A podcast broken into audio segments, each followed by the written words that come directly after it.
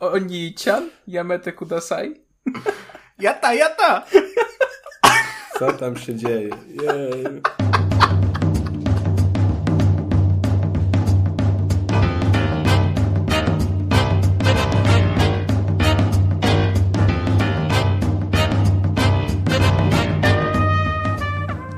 To możemy zaczynać, kamraci. Kamraci, o, a zamknęli tego. Yy, Ludwiczka. Nie wiem, czy słyszeliście. No. Ludwiczka? No, od tego jaszczura.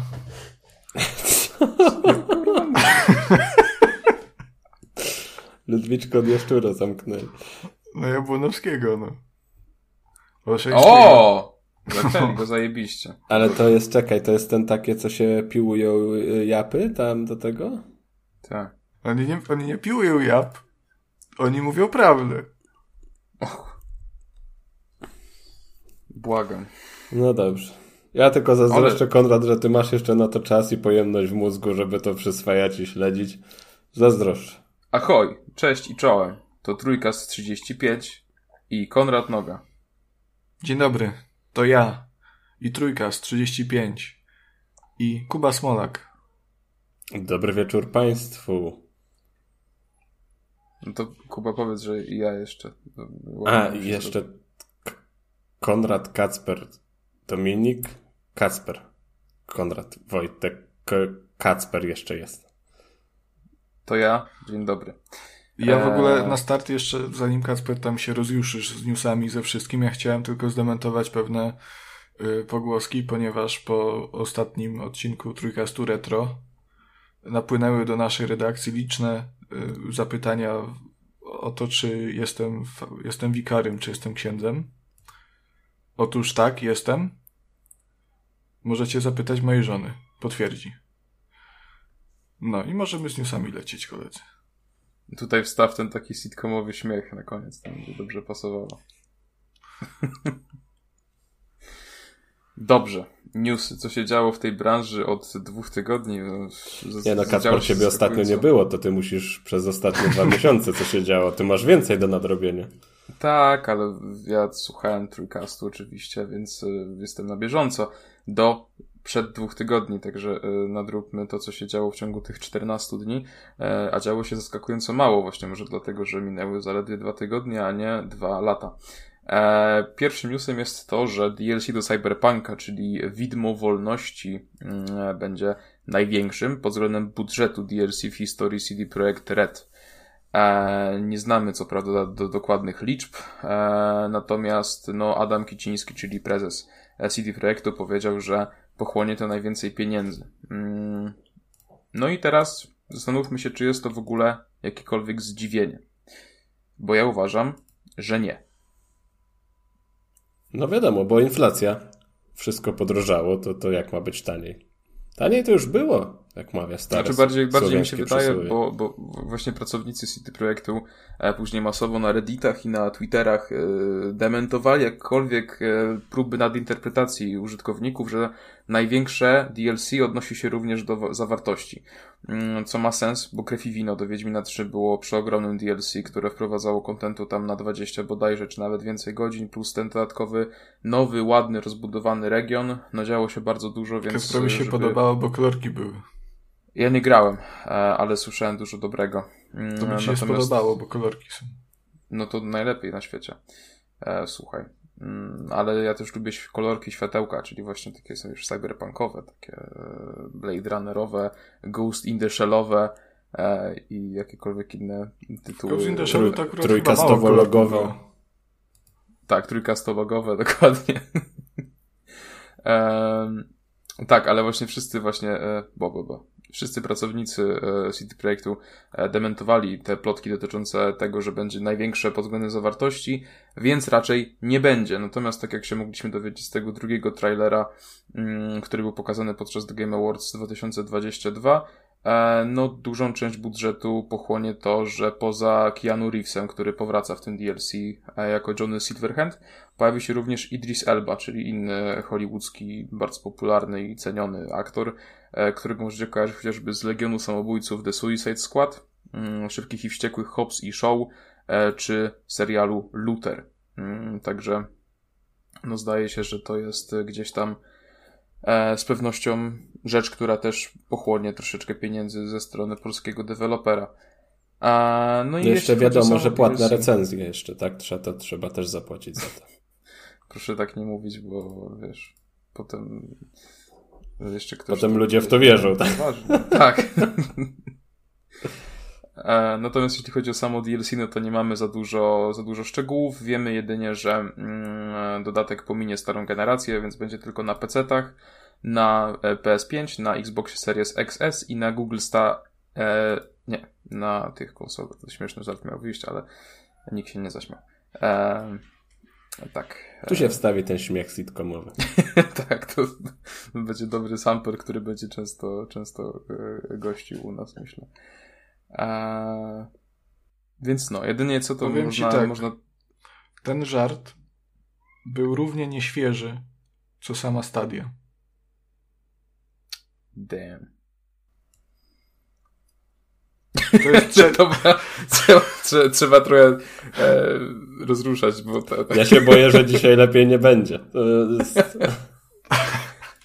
E, dobrze, wracając jeszcze do samego DLC, no to troszeczkę może nam naświetlić opis e, tego drugiego, e, tego drugiego trailera, który brzmi Przedstawiamy Idrisa Elbę w roli Salomona Rida, agenta FEA, FIA, Nowych Stanów Zjednoczonych Ameryki. Dołącz do niego i podejmijcie się niemożliwej misji szpiegowskiej napędza, napędzanej chęcią przetrwania. No nie wiem, czy to co dużo nam mówi, ale będzie mrocznie, Czekaj, będzie jak, jak się, nazywa, jak się nazywa ta grupa, do której Idris Elba należy? FIA. Federation Internationale di Automobile? Możliwe. Najprawdopodobniej tak, dobrze to rozszyfrowałeś. Czyli to będzie DLC o wyścigach. Mm, bardzo możliwe, słuchaj. No, nikt, nikt nie dał dementi w tej sprawie, także wszystko się może wydarzyć. No, powiem ci, że tu nawet jak sobie wygooglałem FIA, no to tu jest jakiś otwarty konflikt w F1 i FIA, publiczne pranie brudów. No to... Szefowie, to, jest, to już tak zakrawa na taką, wiesz, na taką wojnę gangów będzie. A tylko... przy, przypomnijmy, przypomnijmy, że DLC nosi tytuł Widmo Wolności, więc to wszystko gdzieś tam się zasklepia, nie? Tak, i dzieje się w 77 roku chyba, więc jako, że w 23 się zaczyna ta, ta wojna, ten otwarty konflikt, to przez te najbliższe 50 lat, 55, no to myślę, że tam już może być ostro tak jakieś boty, jakaś cybernetyka. No, kurczę, to powiem wam, że w takim razie to już nawet nie pytam, czy jesteście zaintrygowani, bo oczywiste jest to, że jesteśmy wszyscy zaintrygowani. Mm, także tak, CD Projekt wykłada wielką kasę. E, kiedy premiera też nie wiadomo, mówi się, że w tym roku, także trzymamy kciuki e, i czekamy na pewno, przynajmniej ja. Mm. A zostając w klimatach CD Projekt Red, to ostatnio e, właśnie polski deweloper ogłosił rzecz, która zrobiła bardzo dużo szumu. Mm. Oho. Tak, mowa o Red Playtesting, czyli program, w którym to gracze mogą testować gry, e, mogą dołączyć do ekipy i po prostu być testerami e, za darmo. E, I to wzbudziło bardzo ambiwalentne odczucia względem E, u e, wszystkich odbiorców. Na Twitterze było mnóstwo w ogóle wojen o to i tak dalej. Sam deweloper opisuje ten program następującymi słowami. Naszym celem jest tworzenie wyjątkowych, inspirujących gier, dlatego Twoje zdanie jest dla nas tak ważne. Podziel się z nami swoimi wrażeniami i przemyśleniami. Także musicie też mieć ponad 16 lat, jeśli chcecie brać w tym udział, aktywne konto GOG i zarejestrować się na E, stronie tego, tego programu oraz zaakceptować wszystkie dokumenty. Więc jeśli chcecie sobie pograć e, wcześniej w jakieś gry e, CD Projektu i dać znać o swojej opinii, no to teraz możecie to zrobić. Ja, ja nie chcę. Ja, te, ja też nie chcę, ale z drugiej strony nie wydaje mi się, żeby to był aż tak zły pomysł, jak niektórzy mówią, że jest zły. Ja bym chciał, jeśli miałbym bliżej do, do, do studia, to pewnie bym się zgłosił, bo dlaczego nie? Chętnie bym sobie podjechał raz czy dwa, żeby zobaczyć, jak to wygląda od środka i jak to wszystko tam się dzieje. Tak, a to jest tak stacjonarnie? No tak mi się wydaje, a jaki byłby inny sens tego Aha. wszystkiego? No nie wiem, jak musisz mieć aktywne konto GOG. Co prawda nie wczytywałem się w to, ale, ale to bardziej myślałem, że na zasadzie, że dostajesz jakiś tam kodzik na, powiedzmy tam, wiesz, jakąś wczesną wersję gry, tam jakiś build dwugodzinny i grasz sobie w domu i potem im piszesz relację, albo tam masz jakieś, wiesz, ankietę po tym, nie? No to tak, ale... to może bym chciał mniej, ale... Mm, no nie wiem. Nie ma tam nic takiego? Bo to w sumie jest dość ważne, czy, czy trzeba być na miejscu, czy nie. No właśnie, wiesz, no z, z tej narracji na Twitterze, jaka się wywołała, to mi się wydaje, że trzeba być na miejscu. Przynajmniej tak. No nie, to ale tak ludzie mówili, że trzeba jechać za, za swoje i nie zwracają. No nie wiem, no niemniej jednak, no pamiętajmy, że nikt nas do tych testów nie przymusza, mm, co jedynie jest tam gdzieś tam faktycznie, e, znaczy nie wiem też czy minusem, no tak samo CD Projekt też nas nie zatrudnia wtedy w żaden sposób, tak, czyli raczej w CV sobie tego nie wpiszecie, że testowaliście, nie wiem, DLC do Cyberpunka wcześniej, czy Wiedźmina 4, czy nowego Wiedźmina, początek nowej trylogii, whatever. E, więc e, generalnie testy dalej będą przeprowadzane przez researcherów, którzy się po prostu tym zajmują, a to jest taki dodatek tylko. Wiadomo, że CD Projekt nie rezygnuje ze swoich e, ludzi, którzy testują gry e, i nie będą opierać się wyłącznie na głosie tłumu, więc to jest raczej taka od nich po prostu inicjatywa w stronę graczy, ja bym tak to odebrał. W sensie, no wiadomo, nie wiem jak do końca do tego podchodzić, tak, bo, bo, bo różnie. Z drugiej strony, jeśli chcecie testować gry mm, i dostać za to pieniądze i żeby to była wasza praca, no to zawsze możecie aplikować jako, jako UX researcherzy, tak, do, do CD Projektu. Znaczy to też trzeba zaznaczyć, to nie jest testowanie gier w stylu QA-u, nie? No tak, oczywiście, tak, tak, tak. No właśnie to też o to chodzi, że to będzie całkowicie coś innego, więc no tutaj nie musicie mieć takich kompetencji jak w przypadku naturalnej pracy. A... Żadnych nie no, musicie no, mieć tak naprawdę. No. No tak, no samo to, że każdy się może zgłosić i musicie mieć ponad 16 lat, nie? Więc jakby no to, to też dużo mówi, no. Ale ja już się dlatego... tutaj doczytałem na stronie e, CD Projektu, że trzeba być osobiście i że testy osobiście. odbywają się w siedzibie w Warszawie, Kurczę. Bostonie albo Vancouver. To na przykład no to w Vancouver strony... bym chciał, a w Bostonie to tak o, bo mi nie pasuje. E, w Bostonie no. ponoć grzyby strasznie rosną. Śmieszne, wrócimy, wrócimy, wrócimy do tych grzybów. Eee, natomiast, no, to nawet bym powiedział, że jeszcze lepiej. W sensie, no, teraz, jako że mam pracę, studia i podcast, eee, no to, to raczej się nie będę w to bawił, raczej na pewno. Natomiast jakbym miał 16 lat, mieszkał w Warszawie i był super zajawkowicz, zajawkowiczem, to kurczę, myślę, że bym się na to zdecydował, nie? I aplikowałbym z jakimiś tam ziomkami. Wiesz, to nie e... trzeba mieć 16 lat. Ja mam teraz 30 jestem współtwórcą tego podcastu, do którego co miesiąc dokładamy jeszcze hajs. To to jest, wiesz... Z pasji się Ale różne, jeśli jesteś właścicielem firmy, która chce to zmienić, kontakt masz w opisie odcinka. Czy kto dokłada, ten dokłada. Ja słyszałem, że tam masz jakieś Konflikty z Kacprem Kuba. A, weź mi nawet nie mów, doprosić tego Smolaka o przelew. Ja mu proszę, żeby mi to na ratę rozłożył, no Konrad, ja nie wyrabiam.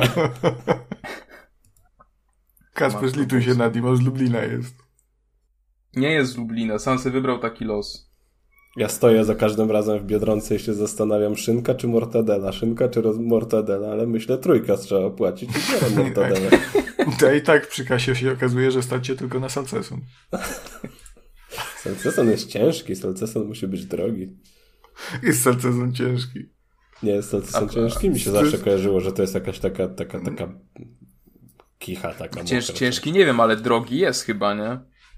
Czekaj, salceson cena. Ja od kiedy mieszkam sam w Warszawie, to jem tofu. Zresztą wam pisałem już prywatnie o tym że po prostu po tym jak odkryłem, że na przykład e, zamiast mięsa mielonego można kupić kostkę tofu za 4 zł, czy w promocji nieraz po 3. Wiadomo, jak bierzecie dwie kostki w Biedronce i sobie to pognieść widelcem, to, to ich smakuje świetnie z przyprawami, no jest po prostu bajka, no to ja jakby już nie widzę sensu jedzenia mięsa w tym, na tym. Eba, lubię, lubię mięso, ale no ale tutaj według, według Google'a widzę, że cena za 100 gram produktu wynosi 4,50. No, no to, to, nie to tak jest... drogo. Co, co nie tak drogo? 100 gram salcesonu to jedna dobra pajda, jedna no, buła, jeszcze musztardę musisz do tego i ogórasa doliczyć. ekologiczne, zobacz sobie na cenę jak jest. Na cenę salcesu, na cenę... cenę o salcesu, what the fuck w ogóle. O Jezu, te zdjęcia są straszne. Ojej, ojej, ojej. Kątnica wołowa jest na cenę. Konrada, sprawdź mi cenę krakowskiej, słuchaj. Co? Na cenę, na cenę. Podwawelska, krakowska. Oj. Krakowska. Czy nie, kur, nie Wawel gorzka, jest krakowska Żeby- z Krakusa od 13,49 zł. Żeby research przed odcinkiem zrobić, to nie, ale ceny Salzosonu na Ceneo to jak najbardziej trzeba sprawdzić. No, najtaniej jest na Allegro trzy- 13,49 za 250 gram. Matko boska. Dobrze. E, wracając do, do jakby nie było tematyki tego podcastu. Ej, produkt kiełbasa sucha w kawałku Krakus na Allegro ma ocenę 4,92 ze 146 ocen i 13 recenzji. Kiełbaska wyśmienita, polecam. Droga, ale smaczna. No, za, do, za dobrą kiełbę trzeba zapłacić. Dobrze, proszę Państwa. E, wracając do, do Giereczkowa. E, Microsoft wczoraj miał swoją konferencję, która nazywała się w jakiś taki dziwny sposób, z takim e, podkreślnikiem. E, e, Developer Direct, e, jak nagrywamy to wczoraj była ta, e, wczoraj w nocy była ta konferencja, no i co na niej pokazano? Po pierwsze, e, zapowiedziano grę Hi-Fi Rush, która już jest dostępna, nawet jest już dostępna w Xbox Game Passie. Jest to gra od Tango Gameworks, e, która jest takim e, rytmiakiem i to jest e, pierwsza rytmiczna gra na Xboxa od dawien dawna. Wygląda całkiem ciekawie. Ma styl graficzny taki, taki troszeczkę komiksowy, mm, więc no jeśli chcecie sprawdzić, jak tam będziecie walczyć do, do rytmu szalonych bitów w tle, to możecie to zrobić za jedyne 4 zł, e, zakładając nowe konto lub kupując e, subskrypcję przez turecki e, Microsoft Store. A ty się orientujesz? Oczywiście, nie opłaca się chyba przez turecki już. Oczywiście nie zachęcamy do tego. Kupcie normalnie, za pełną kwotę. E, szanujmy i wspomagajmy deweloperów dostarczających nam e, dużo dobrego kontentu. I nie współdziecie konta na Netflixie, bo jest to nielegalne. W każdym razie, poza Hi-Fi Rush Ale czekaj, czekaj, bo ja bym chciał jeszcze dodać i pochwalić Aha, e, jasne, za jasne. tą fenomenalną akcję marketingową, bo to dla mnie coś e, po prostu jest wybitnego, że oni tak ogłosili tą, tą grę, pokazali Tę i grę, ona od razu Kubo, była... tę grę. Tę grę, przepraszam. E, Nie ma problemu. Dziękuję. Pokazali tę grę i i ona od razu stała się tak dostępna z, no, z minuty na minutę. I teraz tak sobie pomyślałem, ile oni pieniążków musieliby wyłożyć na promocję tej gry, która mogłaby się okazać taka, no, wyszłaby albo nie wyszła, nigdy nie wiadomo. A tak nie wyłożyli nic. Żaden hajs nie poszedł na marketing praktycznie, a i tak wszyscy o tej grze mówili.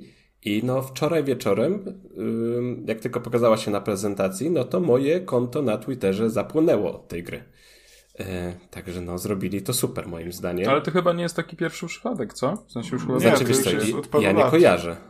Apex, Nie no, e, mi Warzone. się, tak, mi się tak kojarzy właśnie, że, że to nie jest nic nowego, świeżego i, fenomenalnego. Kubo chyba spałeś pod kamieniem. Możliwe. Yy, albo pierwszy raz mnie, wiesz, ten taki mm, hype w 5 minut dotknął po prostu na tyle, że, że gdzieś go zaobserwowałem. Tak, no w każdym razie, no y, wiadomo, też, też widziałem właśnie, że, że tam internet zapłonął od tej gry. Dzisiaj też się pojawiło mnóstwo jakichś tam artykułów, y, pierwszych wrażeń czy recenzji, e, które bardzo zachwalały w ogóle tę grę i właśnie wszyscy bardzo pozytywnie się na temat wypowiadali. No ja sam jeszcze nie sprawdzałem. E, ja sam jeszcze nie sprawdzałem, także e, się nie wypowiem, natomiast e, myślę, że niewykluczone, że jak Kuba jest taki entuzjastyczny, to że w kolejnym odcinku wam o tej grze opowie troszeczkę więcej. Też się chciałem wrzucić na tę, tę minę, ale Mhm. ubiegłeś mnie. A widzisz, no słuchaj, nie ma za co. Dziękuję. Zawsze tu jestem dla ciebie. Myślę, że możemy się podzielić tą recenzją i ogarniemy to razem. E, Bardzo bym chciał niestety. Tę, nie tę mam, e, recenzją. No niestety nie tym razem, Ach, ale cieszę pudło. się, że e, bierzesz sobie aż tak bardzo do serca moje sugestie, drogi przyjaciel. To ja bym tylko chciał Cię w tym miejscu poprosić o to, żebyś y, upominał mnie za każdym razem jak cmoknę, bo po ostatnim odcinku zauważyłem, że często cmokam, co doprowadza mnie w sumie do, do furii, jak to słyszę, więc za każdym razem jak cmoknę, to proszę mi zwracać uwagę wtedy. Dobrze, dobrze. dobrze. Będziemy zwracać, zwracać uwagę. E, dobrze. Kolejną grą, którą pokazano był Minecraft Legends, czyli w ogóle jakaś taka strategia PvP w, w, w świecie Minecrafta. E, natomiast nie wiem, czy jest sens się tutaj rozwodzić. No będzie jakaś kampania, którą możecie przyjść sami, możecie przyjść z kolegą, będzie PvP. E, no ale to będzie pewnie tak samo jak Minecraft Dungeons czy Minecraft to od Telltale, czyli po prostu gra, która przejdzie bokiem i troszeczkę się sprzeda ze względu na Minecraft w tytule, ale co oryginalny Minecraft to oryginalny Minecraft. E, ja nie będę komał, że czekał, bo chociaż, że czekam, bo chociaż samego Minecrafta bardzo lubię i do tej pory zresztą zdarza mi się grywać i śledzić e, to community i, i to jak się gra rozwija, no to jednak e, w te takie jakieś spin-offowe gierki to, to, to absolutnie mnie to nie przekonuje. E, czy macie coś do dodania, moi kamerzy? Absolutnie nic. Kubo? Nie, ja ciągle Dobrze. żałuję, że nigdy nie grałem jeszcze w Minecrafta, nigdy mnie nie kusiło. Pewnie bym sprawdził tak z czystej ciekawości, ale po prostu boję się rozmiaru tego, tej gry. E, no powiem wrażenie, ci, że teraz że... to jest tak rozbudowane, że próg wejścia może być bardzo trudny. Że tego się nie da no, sprawdzić, poświęcając tam 5 e, czy 10 godzin, tylko trzeba w to no, więcej czasu wsadzić, no, co nie? Nie. No i dlaczego próg ma być, Kasper, jakiś bardzo wysoki? To jest dalej ten sam Minecraft, tam rozbudowali endgame tak naprawdę E, pododdawali nowe mechaniki, ale cały ten core gry jest cały czas taki sam. No, wchodzisz, budujesz ziemiankę i siedzisz w niej w nocy, nie?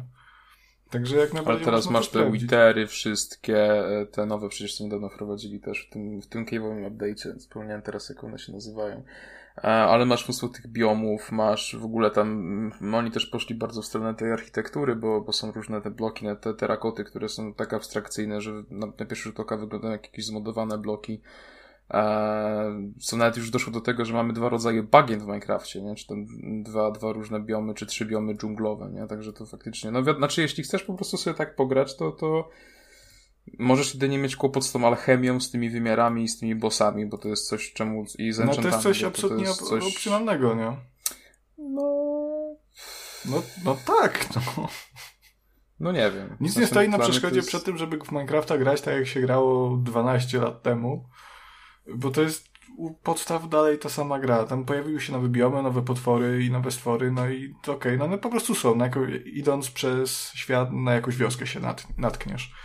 Ale jasne, jeżeli chcesz zwiedzać te, te, te netery, walczyć z tym Ender Dragonem yy, i bawić się alchemią czy jakąś inną magią, no to jasne, można to robić, ale, ale wiesz, no nie trzeba. To jest tak samo jak przecież przez lata wprowadzili ten Redstone, nie? E, który pozwala na w zasadzie tworzenie komputerów wewnątrz Minecrafta e, i ludzie tam cuda robili, no to też było zawsze opcjonalne, nie?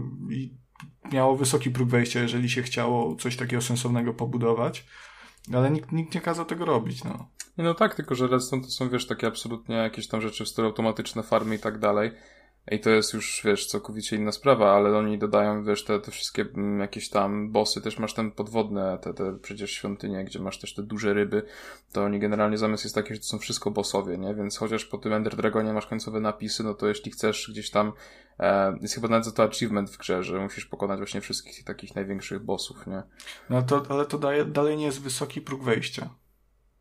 Ja uważam, że jest, szczerze. Ja, jeśli Kuba nie grał nigdy w Minecraft, i chciałby teraz zacząć i to wszystko ogarniać i wiedzieć, co się dzieje, to myślę, że to jest coś, na co by musiał poświęcić bardzo dużo czasu. No tak, bo no dobra, no to nie ma, nie ma sensu się na ten temat rozwodzić tak naprawdę. Ja uważam, że... Mnie po prostu przeraża troszkę, jak wy dużo wiecie na temat tej gry. Znaczy, no ja, ja w Minecrafta grałem bardzo dużo, jak to w, tak zdobywało popularność jeszcze zanim był aż taki boom. Czyli to były jakieś, nie wiem, okolice 2010 roku, nie? O, czyli Konrad grał w Minecrafta zanim Minecraft stał no, się modny. No, ja byłem OG. W betę jeszcze grałem, nie? Tam na Allegro kupowałem kluczyk, nie? Tam o pindole. Trzeba było tego... akcję kupić, jak taki mądry jesteś, a nie teraz. O. Nie, to już, już wtedy zaczynały być drogie, a ja byłem za młody, bo byłem w gimnazjum wtedy. Ale odpadłem gdzieś tam, jak zaczęli wprowadzać jakieś te nowe zwierzątki, jakieś oceloty, jakieś te, te, te króliki, lisy, to już wtedy już mnie to tak średnio obchodziło. Ja, ja nawet zwierzątek. OG. Lubię zwierzątka, tylko jak nie drą dupy w czasie nagry nagrywania podcastu. Nie, to ja też właśnie śledziłem wtedy, jak się tam też na polskim YouTube rozkręciło JJ Joker, Minecraft.pl i tak dalej. E, potem miałem taką falę, to wszyscy potem mieli tak, nie, że przesyt Minecraftem w ogóle hitujemy tę grę, w ogóle głupie klocki.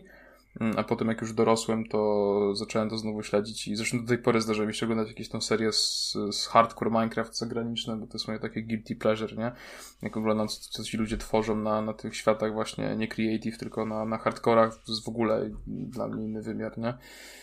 E, plus te update'y, te fajnie też uważam, że Mojang robi to community, że tam y, właśnie jakby gracze decydują, jakie moby mają być wprowadzone y, poprzez głosy. E, fajna, fajna rzecz. Ale to temat na inny, na inny epizod. E, wróćmy do Minecraft prezentacji e, Xboxowej. E, kolejną grą, którą pokazano jest Redfall, mm, czyli gra, która już została pokazana długi czas temu. E, więc nie wiem, czy jest sens się e, rozwodzić. Natomiast premiera 2 maja mm, po przesunięciu, także miejmy nadzieję, że już tym razem faktycznie uda się jej wyjść. E, tylko jeszcze znaczę, że to jest gra od Arkane Studio, czyli od twórców Dishonored czy Deathloopa.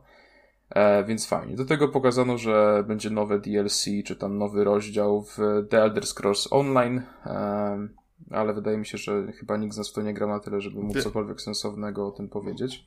No, no to na to tyle jest kolejna to, gra. to jest dodatek. W którą chciałbym Dodatek. zagrać, a, a boję się za nią zabrać. A to jakoś mnie akurat do, do TESA Online w ogóle nie ciągnie, szczerze mówiąc. I, No ty w ogóle w Elder Scrolls jakieś grałeś, Kasper? E, no w Skyrima wiadomo. Czy, czyli nie? No we te wcześniejsze w jakieś Morrowindy to akurat mnie ominęły. Przez Ominęły Morrowinda byś nie przeszedł, 20 coś lat. czuję. Możliwe, możliwe. Nie no, w sensie to jest wiadomo, ważne dla historii gier i tak dalej, ale e, mnie na przykład pamiętam, że jak próbowałem, jak byłem młodszy, e, Fallouta 3 na PS3 i dla mnie to już było takie No to żeś platformę wybrał na naprawdę. hardkorowe RPG, po prostu trochę starsze, które gdzieś tam dobiło mnie ilością funkcji i godzin i jakby do... Kuba, Final Fantasy VII mnie przytłacza, ale jest dużo lepsze niż Elder Scrollsy, więc dobrze wybrałem. Czekaj, czy ty porównałeś, porównałeś teraz Finala do Elder Scrolls- Scrollsów, tak? I, I do Fa- Fallouta 3, który jest klasycznym, hardkorowym RPG-iem. No tak, No Final dobrze. Fantasy VII jest dużo lepszym e, J. Klasycznym hardkorowym RPG. No to zdecydowanie Final Fantasy VII jest zdecydowanie lepszym JRPG-iem niż Morrowind, to nie, myślę, że tu nie... W tej rywalizacji akurat Morrowind Nawet, przegrywa. nawet nie pozostawiam tutaj pola do dyskusji. Można powiedzieć maka i pomakala, tak? Przejdźmy dalej. Dokładnie. E, Forza Motorsport nowa, czyli e, takie Gran O, Turismo, no ale to w końcu jakaś Microsoft. fajna gra. E, wygląda bardzo ładnie, tyle możemy powiedzieć. W końcu Premiera będą w jakieś roku. dobre wyścigi, w których samochód nie jest sztywnym jakimś klocem kartonowym. No. Ale czy tutaj odnosi się do Gran Turismo? Tak? Że Gran Turismo jest bardzo dobrą grą, nie, nie, mówię, że nie, ale, ale no, no co Forza to Forza, no mówmy się. Ale jednak y, Morrowind czy Wiesz Gran co, Turismo wydaje, mi 7? się, wydaje, wydaje mi się, Jeśli że Gran chodzi w Turismo kategorii 7 mimo najlepsze wszystko, wyścigi. Że Gran Turismo 7 jest y, mimo wszystko lepszą grą na PlayStation, lepszym eksem na PlayStation niż Forza Motorsport 7, ale już Fo- Forza Motorsport 7 jest ra raczej trochę gorszym y, JRPG-iem niż Fallout 3, a zdecydowanie gorszym JRPG-iem niż, y, zwłaszcza z takim z turowym systemem walki niż Final Fantasy 7. No i fajnie, że mamy taką hierarchię ustaloną. Myślę, że możemy przejść dalej. Tak, no i to tyle, jeśli chodzi o tę prezentację. E, A tu tak także mało raczej- pokazali te, te, te gier na tej prezentacji, ja myślałem, że jakieś większe będzie. No raczej mało seksowna e, była to prezentacja. E, poza tą Forzą to właściwie nie mm, brakowało takich e, super rewelacji. Jedynie to Hi-Fi Rush jeszcze mogło jakkolwiek wzbudzić większe emocje. No bo oni ma jeszcze tam Starfielda, ale on ma być pokazany na osobnej w ogóle tak, konferencji tak. takiej dużej. Więc... Starfield ma mieć swoją własną gdzieś tam e, konfę. E, no zobaczymy. Ja mam nadzieję, że mimo wszystko Bethesda się trochę już nauczyła przez te lata i, i że ten Starfield to jednak będzie lepszym JRPG niż był Fallout 3. Jej, dobra. Trzymajmy kciuki. E, I na koniec porozmawiajmy chwileczkę o serialu The Last of Us e, na HBO Max, którego na moment nagrywania tego odcinka są już dostępne dwa odcinki. E, Pierwszy odcinek The Last of Us przyciągnął do, do siebie aż 4,7 miliona widzów.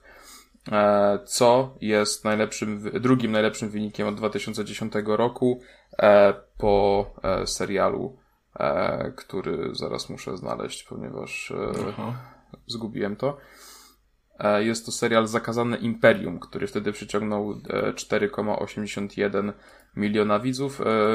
To jest wszystko z wyłączeniem seriali jakby powiązanych z Gromotron, bo te to w ogóle deklasują wszystko inne. W każdym razie no The Last of Us miał lepszy wynik niż chociażby Euphoria, czy Westworld, czy wszystkie inne te popularne seriale HBO, więc jest to wynik naprawdę świetny i Naughty Dog ma powody do radości, tym bardziej, że właśnie drugi odcinek e, miał wynik jeszcze lepszy.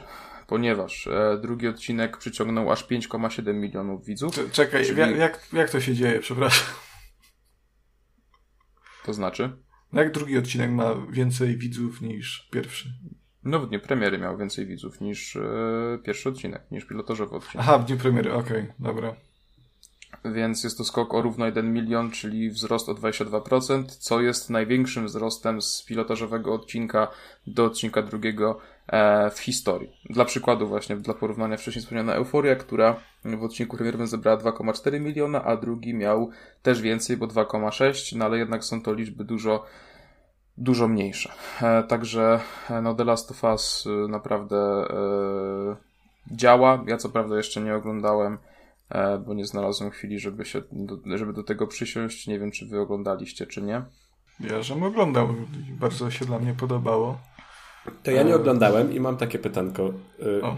do ciebie, Konrad. Powiedz mi, bo ja nie grałem w gry. I jak to byś polecał? Oglądać czy nie oglądać? Czy najpierw zagrać, czy najpierw oglądać? Czy nie ma znaczenia? Czy, czy, czy jak byś to widział? To znaczy, no ta historia, no to będzie dalej, zakładam, plus minus ta sama historia. Pierwszy odcinek jest w, zas w zasadzie bardzo, e, bardzo zbliżony do tego, co jest w grze w tych, w tych pierwszych e, kilku, no nie wiem, dwóch godzinach może. Czyli w tej sekcji e, w Bostonie, w tym prologu, tak to można nazwać. E, do tego stopnia, że niektóre sceny tam są kropka w kropkę przeniesione z gry na serial. Natomiast tam też jest sporo rzeczy, których w grze nie było. E, mogłoby być tego więcej, moim zdaniem, troszkę tego rozszerzenia tego świata. E, ale no to nie jest. Wiesz, jeżeli. Konrad smoknął, jeżeli... ja chcę tylko zaznaczyć, że Konrad smoknął. ale, ale to ty miałeś nic smokać. Tak, ale y, pilnuję, że ktoś smoka. Tak się zastanawiam, jak ci odpowiedzieć na, na to pytanie. Dobra, no to może ja wiem... je trochę zagram inaczej. Y, twoim Dobra. zdaniem, te historie lepiej mhm. przeżywać z grą czy z serialem? Ja bym ją przeżywał z grą. Z grą. Jako pierwsze. Y, bo wydaje mi się, że tutaj wchodzi bardzo mocno ten aspekt e, interaktywności gier. I jasne, tam przez lata się zaczęły pojawiać komentarze, że The Last of Us jest e, klocem sztywnym i że w to nie, nie warto grać, bo to syf jest growy. E, natomiast, no to Kacper grał niedawno. Wydaje mi się, że no gra ci się podobała, nie? To nie było tak, że jakoś bardzo cierpiałeś przy gameplayu. Mhm. No jest taki, no nie jest, nie jest jakiś bardzo odkrywczy, to jest, to jest taki bardzo prosty survival horror nastawiony jednak na tę akcję. Um, ale przez to, że to jest gra i że to, ta historia jest ukazywana w sposób interaktywny, no to na przykład cała ta relacja Joela z Eli wydaje mi się, że lepiej wybrzmiewa, bo ty jako gracz się bardziej z nią e, zużywasz. No natomiast to też nie jest tak, że wiesz, że że serialu nie, nie warto oglądać, jeżeli się grało w tę grę. Ja myślę, że, że można to traktować jako dwa osobne byty. E, zwłaszcza, że już w drugim odcinku nam się trochę zmienia i no, w tym pierwszym były zmiany względem tej historii. Także tak wnoszę po tych dwóch pierwszych odcinkach, że szkielet będzie taki sam tej historii, Natomiast wewnątrz już się będą różniły trochę te rzeczy, także... Tak, no nawet o tym niedawno pisałem, że y, oni powiedzieli, że właśnie jakby lore całe The Last of Us będzie dużo bardziej rozbudowane, więcej czasu mm. będzie poświęcone na mm, poboczne postaci, które w grze były tylko wspominane albo pojawiały się tylko na chwilę. E, na przykład w serialu pojawi się matka Eli, która w grze była tylko właśnie wspominana i nigdy, nigdy nie mogliśmy jej zobaczyć, spotkać. No spoiler trochę, ale okej. Okay.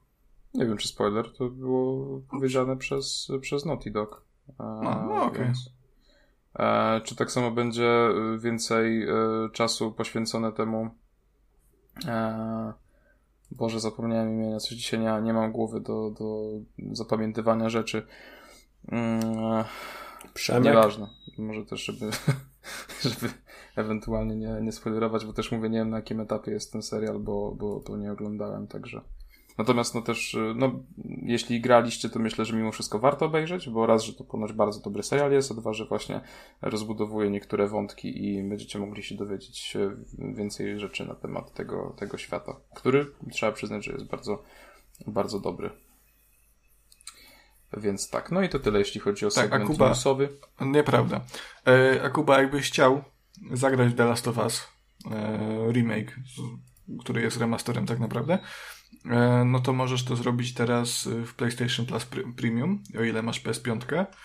E, no patrz, nie mam. Tym, no, jak, jak sobie kupisz za 3000 PS5 i zapłacisz 70 zł za E, dostęp do tego najwyższego segmentu nowego PlayStation Plusa, to będziesz mógł sobie w The Last of Us Remake zagrać przez całe dwie godziny.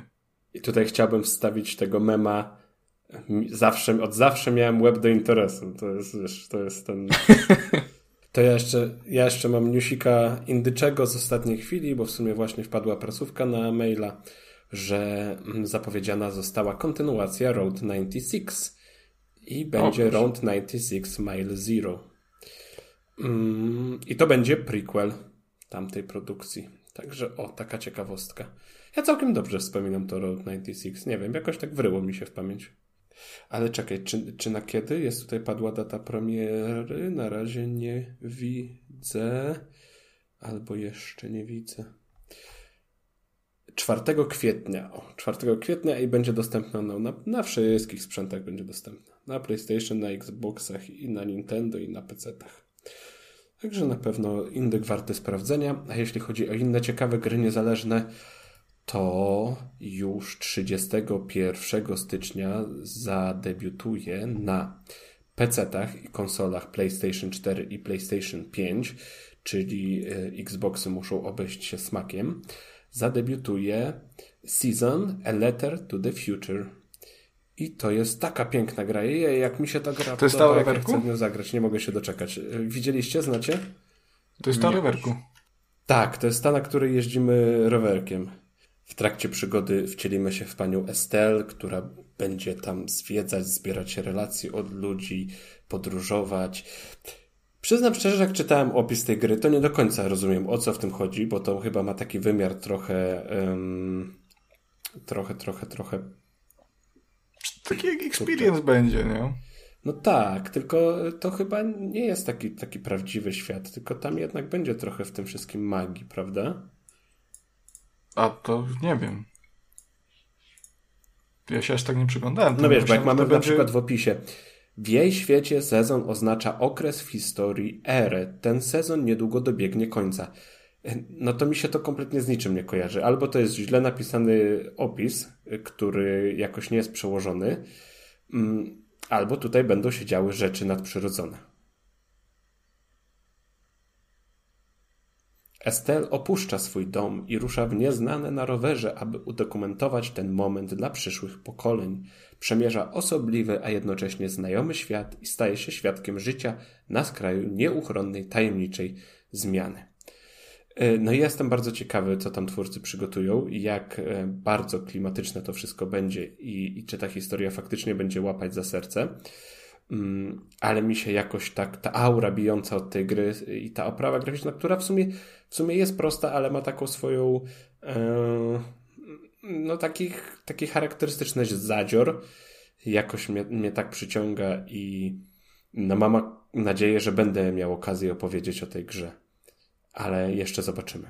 Dobrze, to w takim razie tyle jeśli chodzi o newsy i indyczki, więc teraz możemy przejść do prawdziwego mięska lub e, tofu hehe, czyli do recenzji. E, I dzisiaj Kuba zacznie od Broken Ranks, także Ranks. Także mm, Kubo, e, proszę Cię o podejście do mikrofonu i powiedzenie nas, naszym słuchaczom, w co tam ostatnio grałeś. E, dobrze, dobrze. W sumie to tutaj Konrad jest chyba nawet bardziej kompetentny, bo on miał z tą grą dłuższą przygodę, ale już jakiś czas temu. Na pewno będzie miał więcej do powiedzenia, jeśli chodzi o endgame i takie późniejsze aktywności. Ja miałem okazję pograć te kilka, kilkanaście godzin. Y, no, mówimy tutaj o MMO, więc to jest gra naprawdę, naprawdę duża i długa i też jest grind i to się wszystko rozciąga w czasie. Więc no, recenzowanie MMO to jest w ogóle bardzo niewdzięczne zajęcie, bo to naprawdę trzeba mm, poświęcić na sprawdzenie tych gier dużo czasu. A jeśli śledzicie gdzieś, gdzieś, gdzieś giereczkowego Twittera i tak dalej, to możecie zobaczyć, że ostatnio mm, o tej grze jest trochę głośniej. A to wszystko dlatego, że Broken Ranks będzie obchodzić swoje, obchodzi już w sumie swoje pierwsze urodziny i, i twórcy z tej okazji szykują troszkę niespodzianek, e, dodatkowych aktywności, będą też bonusy dla graczy.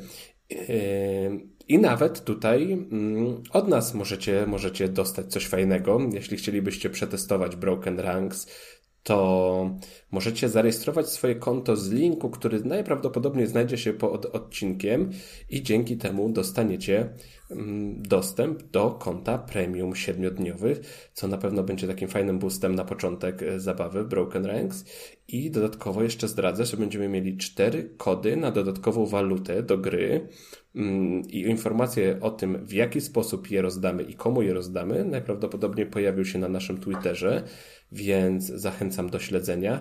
Zdradzę tylko. I na Facebooku też pewnie. Możliwe. I na Instagramie też. Pewnie tak. Kochani, śledźcie nas na wszystkich social mediach. Jesteśmy wszędzie. Trójka jesteśmy najbardziej aktywni ten... na Twitterze, ale tak, jesteśmy, jesteśmy wszędzie. Mm, I dzięki takiemu kodowi będziecie mogli dodać do swojego konta tysiąc platyny a platyna to jest waluta specjalna, za którą można kupować y, chociażby dłuższe konto premium, czy, czy jakieś tam dodatkowe skórki, mm, albo przedmioty jednorazowe, które gdzieś tam pomagają w trakcie rozgrywki. Mm, Broken Ranks. Konrad. Takie pierwsze, takie pierwsze skojarzenie, jak pomyślisz sobie o tej grze po y, tych kilku miesiącach. Takie moje pierwsze skojarzenie z tym Broken Ranks to jest y, grind ale do tego chyba przejdziemy później. No ja w to grałem tak, ja wiem, no z pół roku temu już chyba, e, jako że jest końcówka stycznia.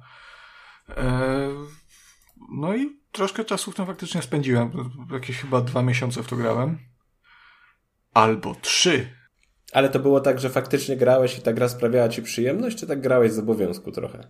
Sprawiała mi przyjemność. Ale grałem też trochę z obowiązku, bo yy, grałem w to pod kątem tekstu na pograne, który możecie na pograne.eu przeczytać, do czego jak najbardziej zachęcam. Yy, I link znajdziecie oczywiście w opisie yy, pod tym odcinkiem. E, także przez to, że to grałem pod tekst, no to chciałem te, ten tekst, bo tak to pisałem. Ja jestem graczem singlowym, nie? Jeżeli, jeżeli nasłuchacie od dłuższego czasu, to możecie to wiedzieć. No ale wcześniej e, mówiłeś, że masz żonę. No, no tak, no mam i e, kurwa. nie wiem jak to odbić, nie? Byłem sobie tu Taki, taki mocny potem... żart, że aż cię zatkało, ale, prawda? Jak, Zatkało, ale boję się, że, boję się, że jakbym tutaj, tutaj zażartował, e, to potem bym był faktycznie graczem singlowym pomimo posiadania żony. E, czy bycia w związku małżeńskim może. To tak nieładnie, tak, że się żonę posiada, to się... Mm. Znaczy, wiesz, ja też Broken Ranks interesowałem się głównie ze względu na oprawę graficzną, bo to jest um, MMO w rzucie izometrycznym, który przywodzi na myśl takie klasyczne RPG pokroju Baldurów, Icewindów, um, czy tych nawet nowszych Pilarsów. I to na pewno... A Final Fantasy? Um, tak, zdecydowanie, tylko tutaj od razu powiem, że Final Fantasy jest lepszym JRPG-iem niż Broken Niż Fallout. Aha. E, niż, niż okay. Fallout też. E, A czy lepszym niż Fallout? Um, w sensie, czy Broken Ranks jest lepszym RPG niż Fallout? Na pewno jest lepszym izometrycznym RPG niż Fallout. E, trzeci Fallout. Tutaj podkreślam. A, tu, ale prawie, prawie. Prawie mnie złapałeś, tak. Chciałeś, chcia, chciałeś, sam się bym prawie potknął o własne, o własne nogi. E, także ta oprawa przyciąga, mm, no bo tych, umówmy się, tych RPGów izometrycznych nie ma na rynku dużo. I zawsze jak coś się takiego pojawi, to jest grupka tych fanów klasyki, którzy gdzieś tam by to sprawdzili i, i chętnie przyjęliby jeszcze jednego takiego e, RPG, tak samo jak było z Czarnym Gejzerem, którego recenzowaliśmy zresztą już jakiś czas temu. E, no i też ta fabuła mm, Broken Ranks jest taką, taką jasną stroną tej gry. Ona jest naprawdę fajna, naprawdę mocna i mi się najbardziej w niej podobał taki, tak, taka swojskość, taki to takie słowiańskie e, e, RPG. To nie jest takie typowe fantazy, fantazy, fantazy, ale taki bardziej Wiedźmin i to naprawdę mi jakoś tak siadło. A to po dialogach najbardziej widać i to jest Broken Ranks robi dokładnie to samo pod względem dialogów co Wiedźmin, czyli one są takie bardzo Chłopskie? realistyczne, bym powiedział. Chłopskie. To znaczy zależy z kim rozmawiasz, nie? Tak no tak, ale to wiesz, to też jest... Urzędnikiem to nie, ale... ale naturalne są. O, Powiedzmy tak, tak to, to nie są, są, takie, że wiesz... Świetnie e, są napisane. No. To są takie faktyczne historie, które gdzieś mogłyby się tam przydarzyć, a nie, a nie, a nie takie a nie jak Forspoken. zmyślone opowieści.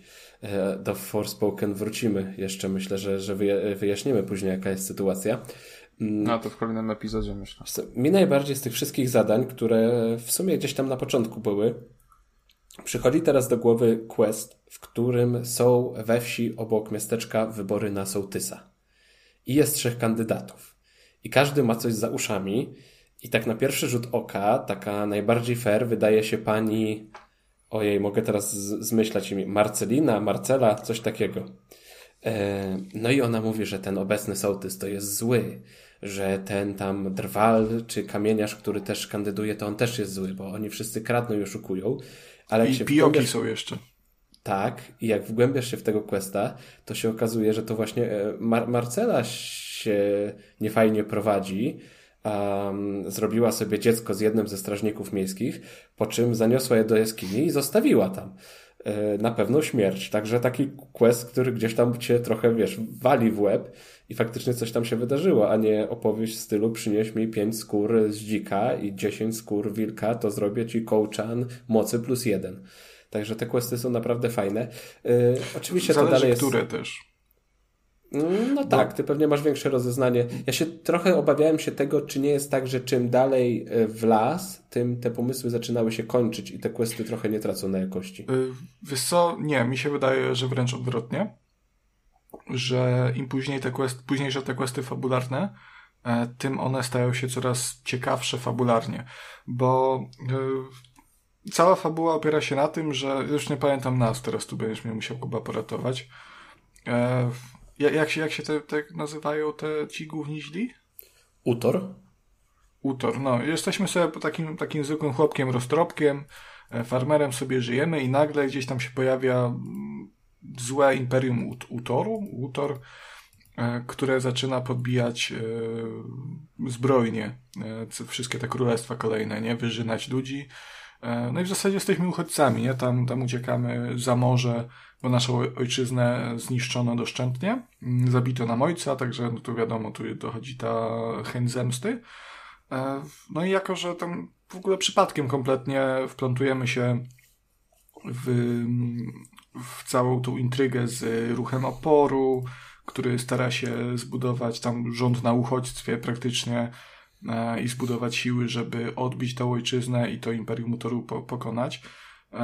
Także te, te wątki tam są na, naprawdę fajne, tylko wydaje mi się, że na początku, właśnie na początku był ten problem, że choć fabularnie one były ok, to jeżeli chodzi o samą rozgrywkę, mm, one były właśnie takim, takim przynoszeniem bobra i strasznie mnie to męczyło, e, bo to dosłownie było tak, że szło się do jednego gościa, zamieniało się z nim kilka słów, on nas odsyłał do gościa po drugiej stronie w ogóle mapy.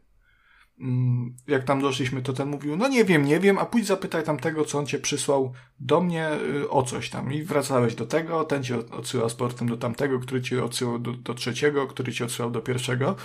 I to była taka bieganina. E, później tego jest mniej i można się skupić na tej, na tej fabule. Te questy są ciekawsze, są szybsze, nie są tak rozwleczone, nie ma te, tego biegania tyle.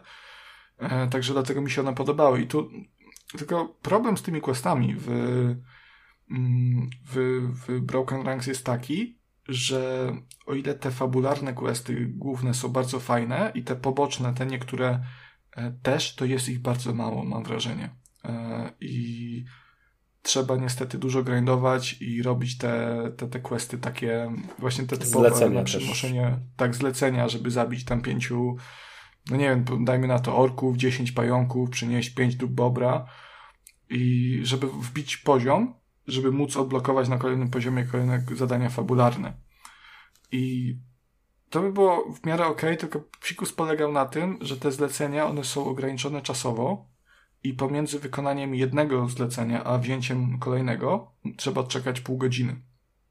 Więc yy, w ciągu tych pół godziny no to trzeba sobie pobiegać yy, po planszy, pozabijać pająki, tak typowo pogrindować. Jak się chodziło e, w Tibi expić na szczurach, albo na, na Minohela się szło pod expić, no to tu jest tak samo niestety. E, co jest minusem, jeżeli się chce grać w to singlowo, no bo ja do tego tak podchodziłem, nie, nie daje mi skończyć. E, ja ten tekst e, mój na program napisałem właśnie z perspektywy tego singlowego gracza, który Broken Ranks chciał zagrać właśnie dla fabuły. I ja sobie zdaję sprawę, że to jest w ogóle absolutna głupota, żeby w MMO mm, grać przede wszystkim dla fabuły, natomiast no, jestem człowiekiem głupi, no, także e, takie pomysły mi do głowy przychodzą. I nie żałuję, natomiast uważam, że to można by było rozwiązać mimo wszystko trochę lepiej. Więcej tych zadań pobocznych może porzucić te e, pół godziny czekania pomiędzy zleceniami, bo ja absolutnie nie wiem po co to jest i, i jaki to ma sens. No tak, natomiast żebyś za szybko z tego nie zrobił, tak? No tak, tylko tylko wiesz, no chciałbym mieć wybór, nie? no bo to takie łażenie i, i zabijanie potworków jest trochę takie, takie no nawet bardzo bym powiedział, nie trochę nudne i męczące. I, I to są właśnie te momenty, które mnie najbardziej męczyły, no bo obrałem sobie za cel, pisząc ten tekst, yy, obrałem sobie za cel, że przejdę te, te wszystkie tam zadania fabularne, które yy, wtedy były yy, dostępne w grze, bo to nie jest cała historia już. Ona się, jak ja grałem, ona się kończyła chyba w okolicach 40, 40 poziomu postaci, nie? A tam można było sobie zdobywać i zdobywać jeszcze. Yy, także to zrobiłem, ale to mi zajęło bardzo, bardzo długo i problemem było głównie, głównie to, że w pewnym momencie, tak jak na początku, to nawet ty mówię, że to nie jest tak źle. Te, te zadania główne się odblokowuje całkiem szybko, bo te poziomy się wbija szybko. Znaczy wiesz, no ja, tak jak grałem, to po prostu pomiędzy głównym zadaniem musiałem zrobić jednego albo dwa questy poboczne, ale to faktycznie mhm. były questy, które były gdzieś tam, wiesz, dane tak. przez y, jakiegoś gościa w mieście i, i, i zrób dla mnie mhm. to, zrób dla mnie tamto.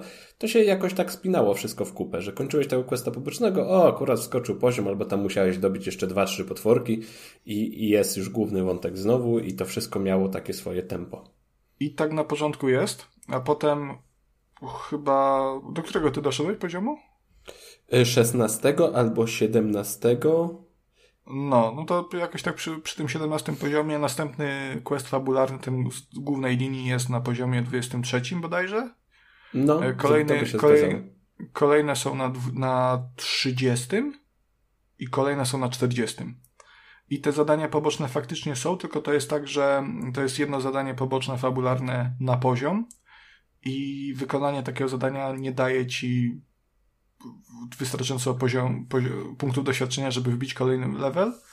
I, a powiem więcej, to jest tak, że w zasadzie ten pasek to tak drgnie tak, no nie wiem, no o jedną piątą, nie, ten, ten e, pasek poziomu doświadczenia.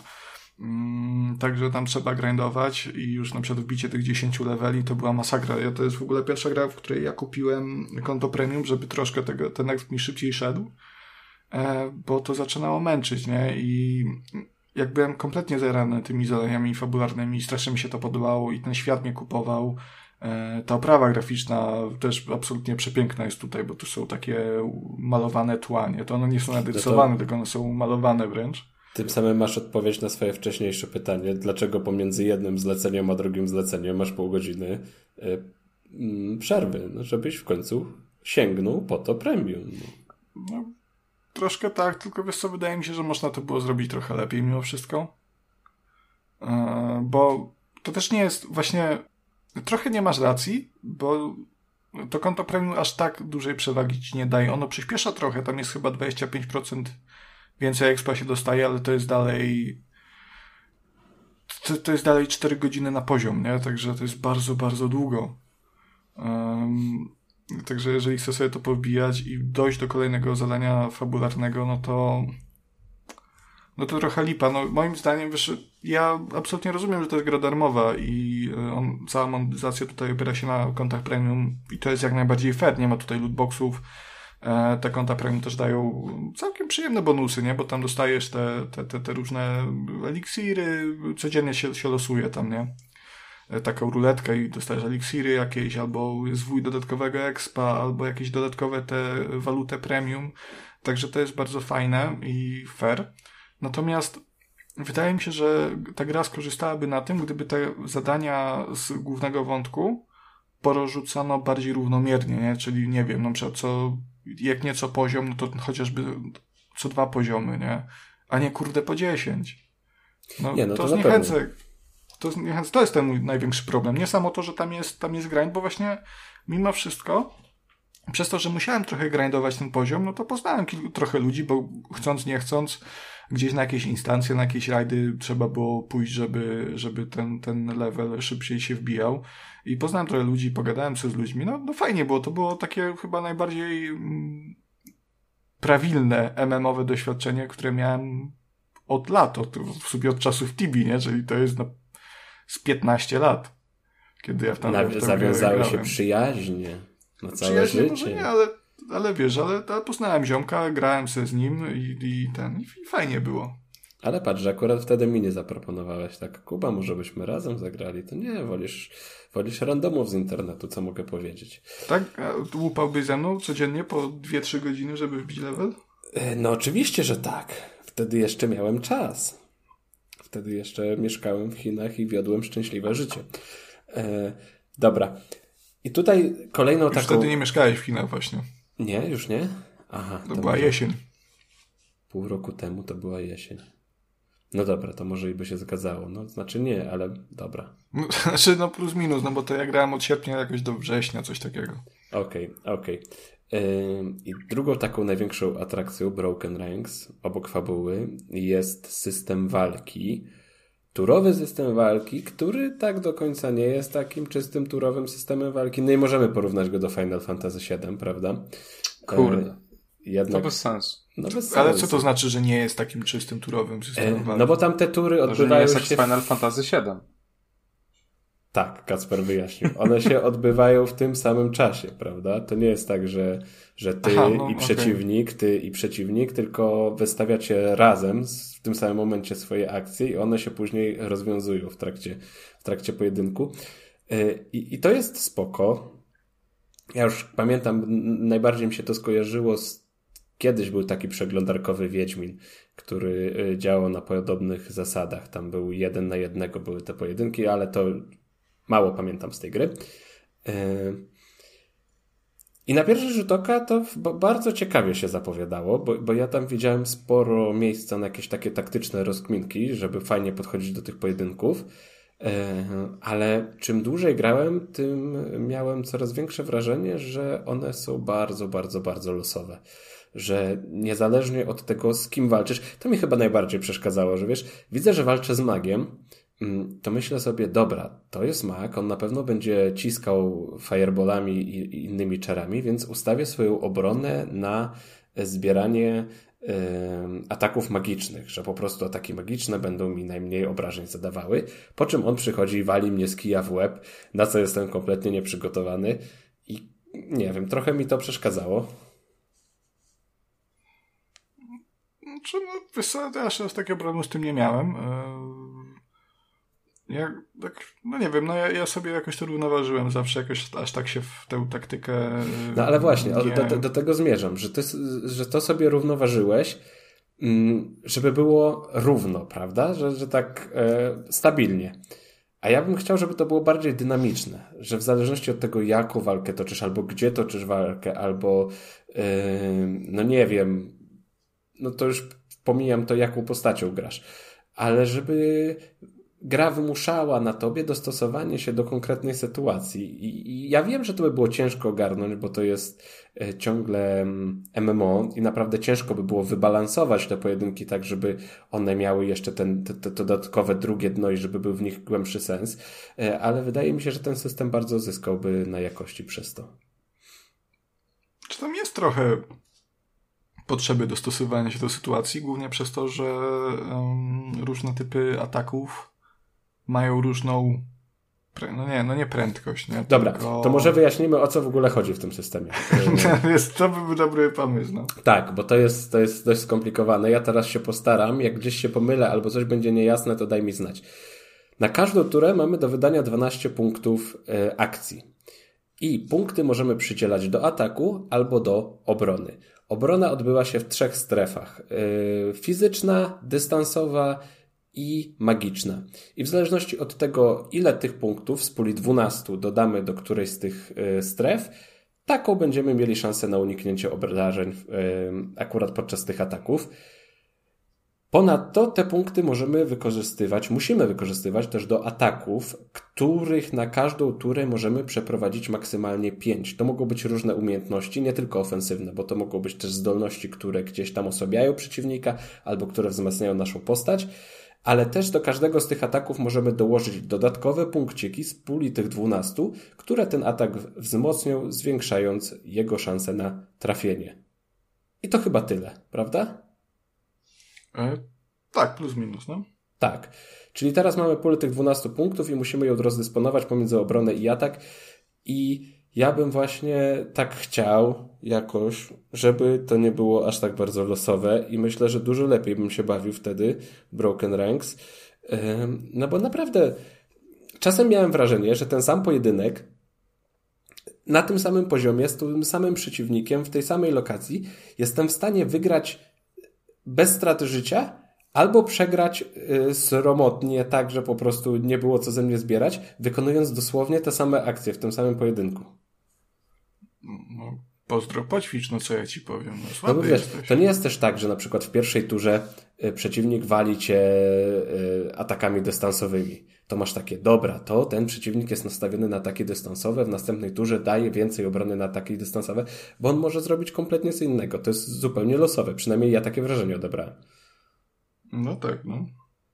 A najbardziej wkurzające to już są te takie ataki, gdzie masz tam 70-80% szansy na trafienie i to są pudła, które doprowadzają po prostu do, e, no, do złości takiej sporej. Jak tam cztery razy pod rząd spudujesz, no to już takie masz, że coś tu jest nie tak, ktoś cię tu oszukuje.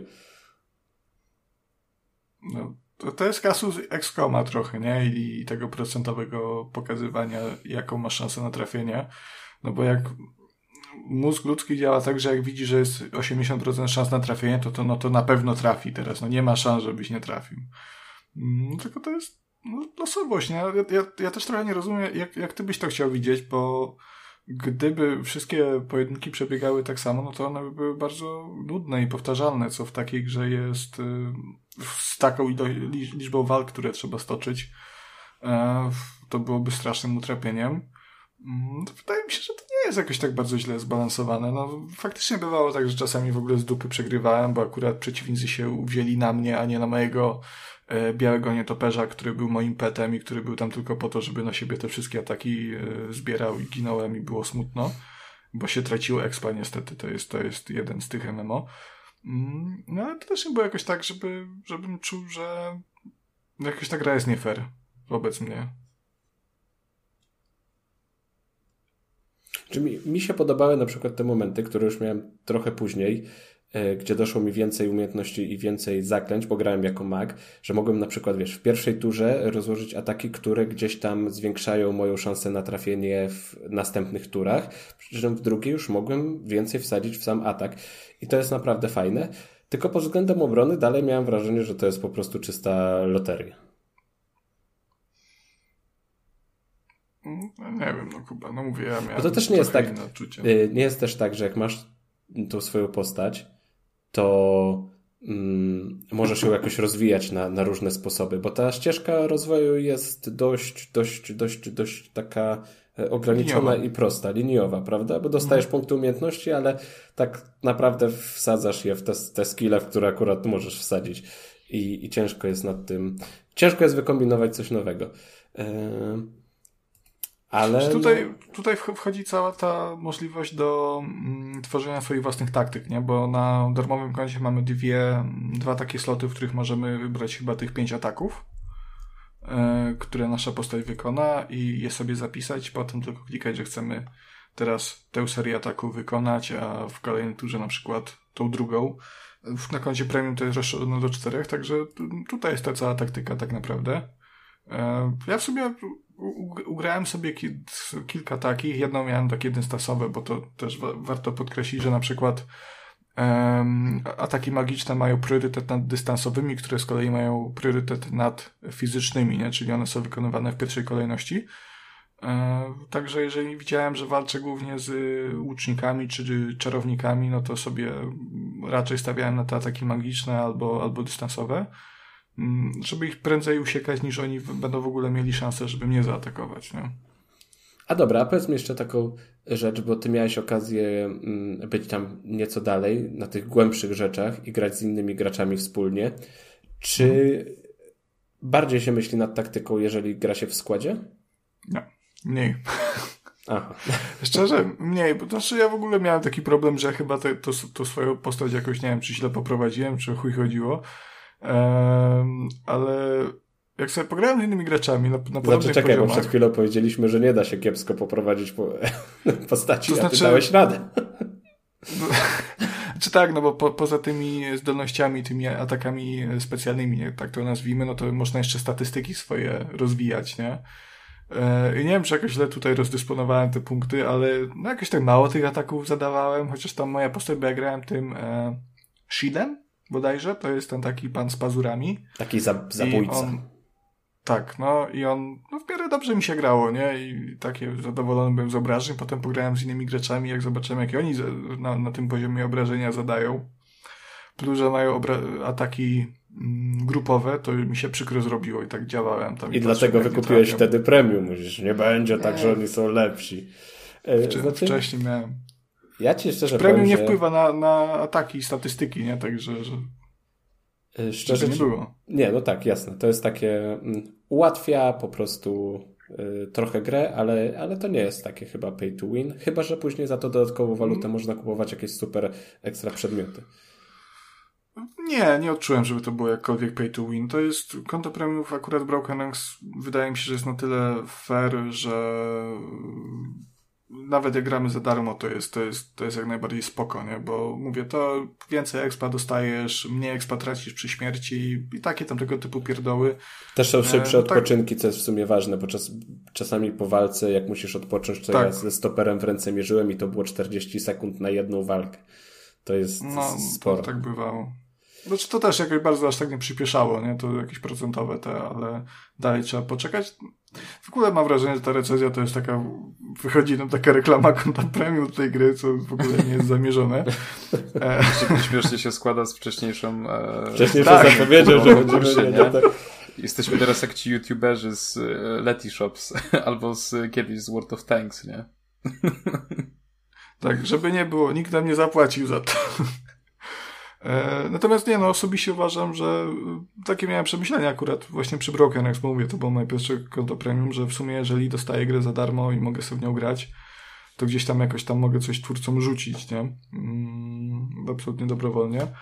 No bo są gry, w których te konta premium są faktycznie takie, Tibia takie miała, właśnie konto premium, które, bo na, w Tibii na darmowym koncie w zasadzie nie miałeś 90% kontentu, który tam na przykład nie mogę sobie na, na GS-a gdzieś tam na pustyni poekspić, bo to był dostęp tam do, do tego był dopiero jak się paka kupiło za 90 zł, nie? Także no. No tutaj tego nie ma, tu mówię. No właśnie to nie jest tak, że, że stoisz koło jakiegoś, wiesz, bardziej dopakowanego gracza i masz takie, o, bez premium, jak nie wydam kasy, to nigdy tego nie osiągnę. To, to czegoś takiego nie ma. Jest jak najbardziej spoko. Ja myślę, że y, też mój stosunek trochę do Broken Ranks y, mógłby być nieco inny i ja bym mógł być tą grą bardziej zainteresowany, y, jeśli podchodziłbym w trochę inny sposób do, do samego MMO, bo ja mam wrażenie, że z MMO już trochę wyrosłem.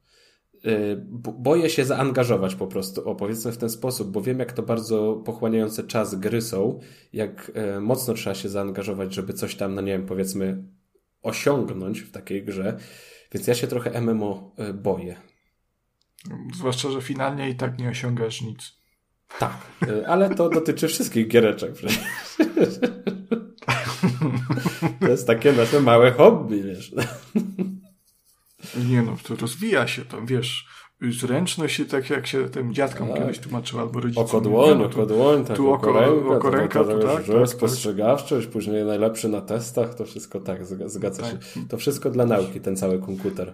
Tak, to nie, że, że moja koordynacja oko ręka to jest na poziomie średnio rozwiniętego trzyletniego dziecka, nie? Ale, a tak.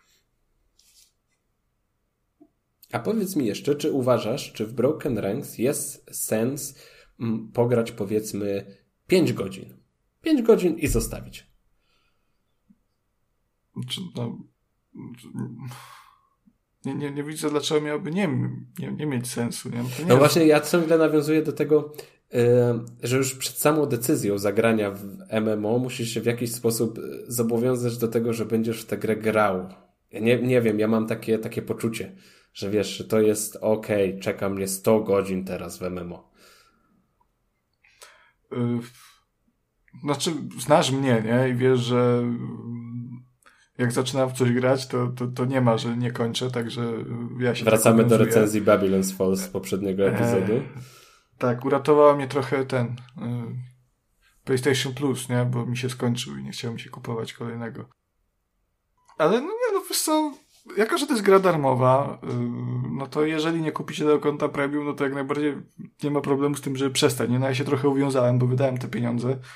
E, I tam, tam jest właśnie to, że codziennie mamy tę loterię i jako, że kupiłem konto na 30 dni, no to codziennie jest ta jedna loteria i jak nie zalogowałem się, to miałem tak, takie poczucie, kurwa, tracę pieniędzy, nie? Bo, bo to przepada. Ale to ty ładnie zainwestowałeś. Co? Ładnie zainwestowałeś jak na 30 dni. No tak, no bo wiedziałem, że to wiesz, to trochę mi zejdzie w to, w to pograć, nie? Natomiast no jeżeli nie jesteście ludźmi ułomnymi jak ja, e, którzy raz, że nie, nie są w stanie, nie, nie mogą się zdobyć na to, żeby porzucić jakąś grę a, i nie, nie wydają pieniędzy na głupoty, no to jak najbardziej wydaje mi się, że 5 godzin można pograć i jeżeli wam nie siądzie, no to po prostu porzucić. No, no tam to są, jasne, są tu jakieś gildie i coś tam można do tego przyłączyć, ale no gildia to jest, tak umówmy się, nie, to, to, jest, to jest już mechanika, która jest z definicji przeznaczona dla graczy bardzo zaangażowanych. Um, a sama fabuła, ona jest spoko, ale to też nie jest taka historia, która gdzieś tam wam się będzie śnić po nocach, nie? To nie jest jakiś The Last of Us. Tak ładnie nawiązując do wcześniejszej dyskusji. Um, czy nie wiem, Mass Effect, że to będzie was siedzieć. No to jest taka, no, jest taka fabułka, nie? No tam się coś dzieje, jest, jest fajnie, nawet intrygująco, no ale tak naprawdę po paru miesiącach się w zasadzie zapomina, co tam się działo do końca. E, tak jak w moim przypadku, także no mówię. Ale to, że była taka swojska i taka polska i taka wiedźminowa, to pamiętasz. No to pamiętam, no tak, ale, bo to ale już o czym ta gra była, no to tak już no trochę mniej pamiętam, nie? No bo zaprzątasz sobie głowę Babylon's Fall i później ważne rzeczy ci wypadają po prostu. Jest określona ilość miejsca na dysku. Akurat w Babylon's Fall mi e, tu nie przeszkadza, bo tam fabuły nie pamiętam w momencie jej prezentowania, nie? Także tu mi nie, zajmuje pamięci, nic się nie nadpisuje, chyba. Dobrze. E, to myślę, że, że, że wyczerpaliśmy temat Broken Ranks. E, chyba finalnie polecamy, a na pewno polecałbym osobom, które lubią MMO i szukają MMO dla siebie. Warto spróbować. Mi się w ogóle wydaje, że ta recenzja wyszła trochę bardziej negatywna niż wydawało mi się, że wyjdzie. No bo to jest u podstaw, tak jeszcze słowem podsumowanie, to jest bardzo spoko gra, to jest bardzo solidna gra. To nie jest, nie powiedziałbym, że to jest gra niewątpliwie wybitna, a, natomiast jest bardzo spoko. Jeżeli Bo ja po prostu trochę chwilę... narzekałem, a ty się bałeś mnie karcić za to, Konrad. Co ci mogę powiedzieć? No, no ja, ja słuchałem, czy nie smokasz czasem, wiesz. A, zaabsorbowany byłeś. E, tak, także to jest, mówię, to jest dostępne za darmo, także ja bym polecał sprawdzić, nie? Bo uważam, że, że warto. Jak wam nie siądzie, to wam nie siądzie i tyle. No stracicie najwyżej, no nie wiem, no to zakładam, że po godzinie będziecie wiedzieć, czy chcecie dalej kontynuować rozgrywkę.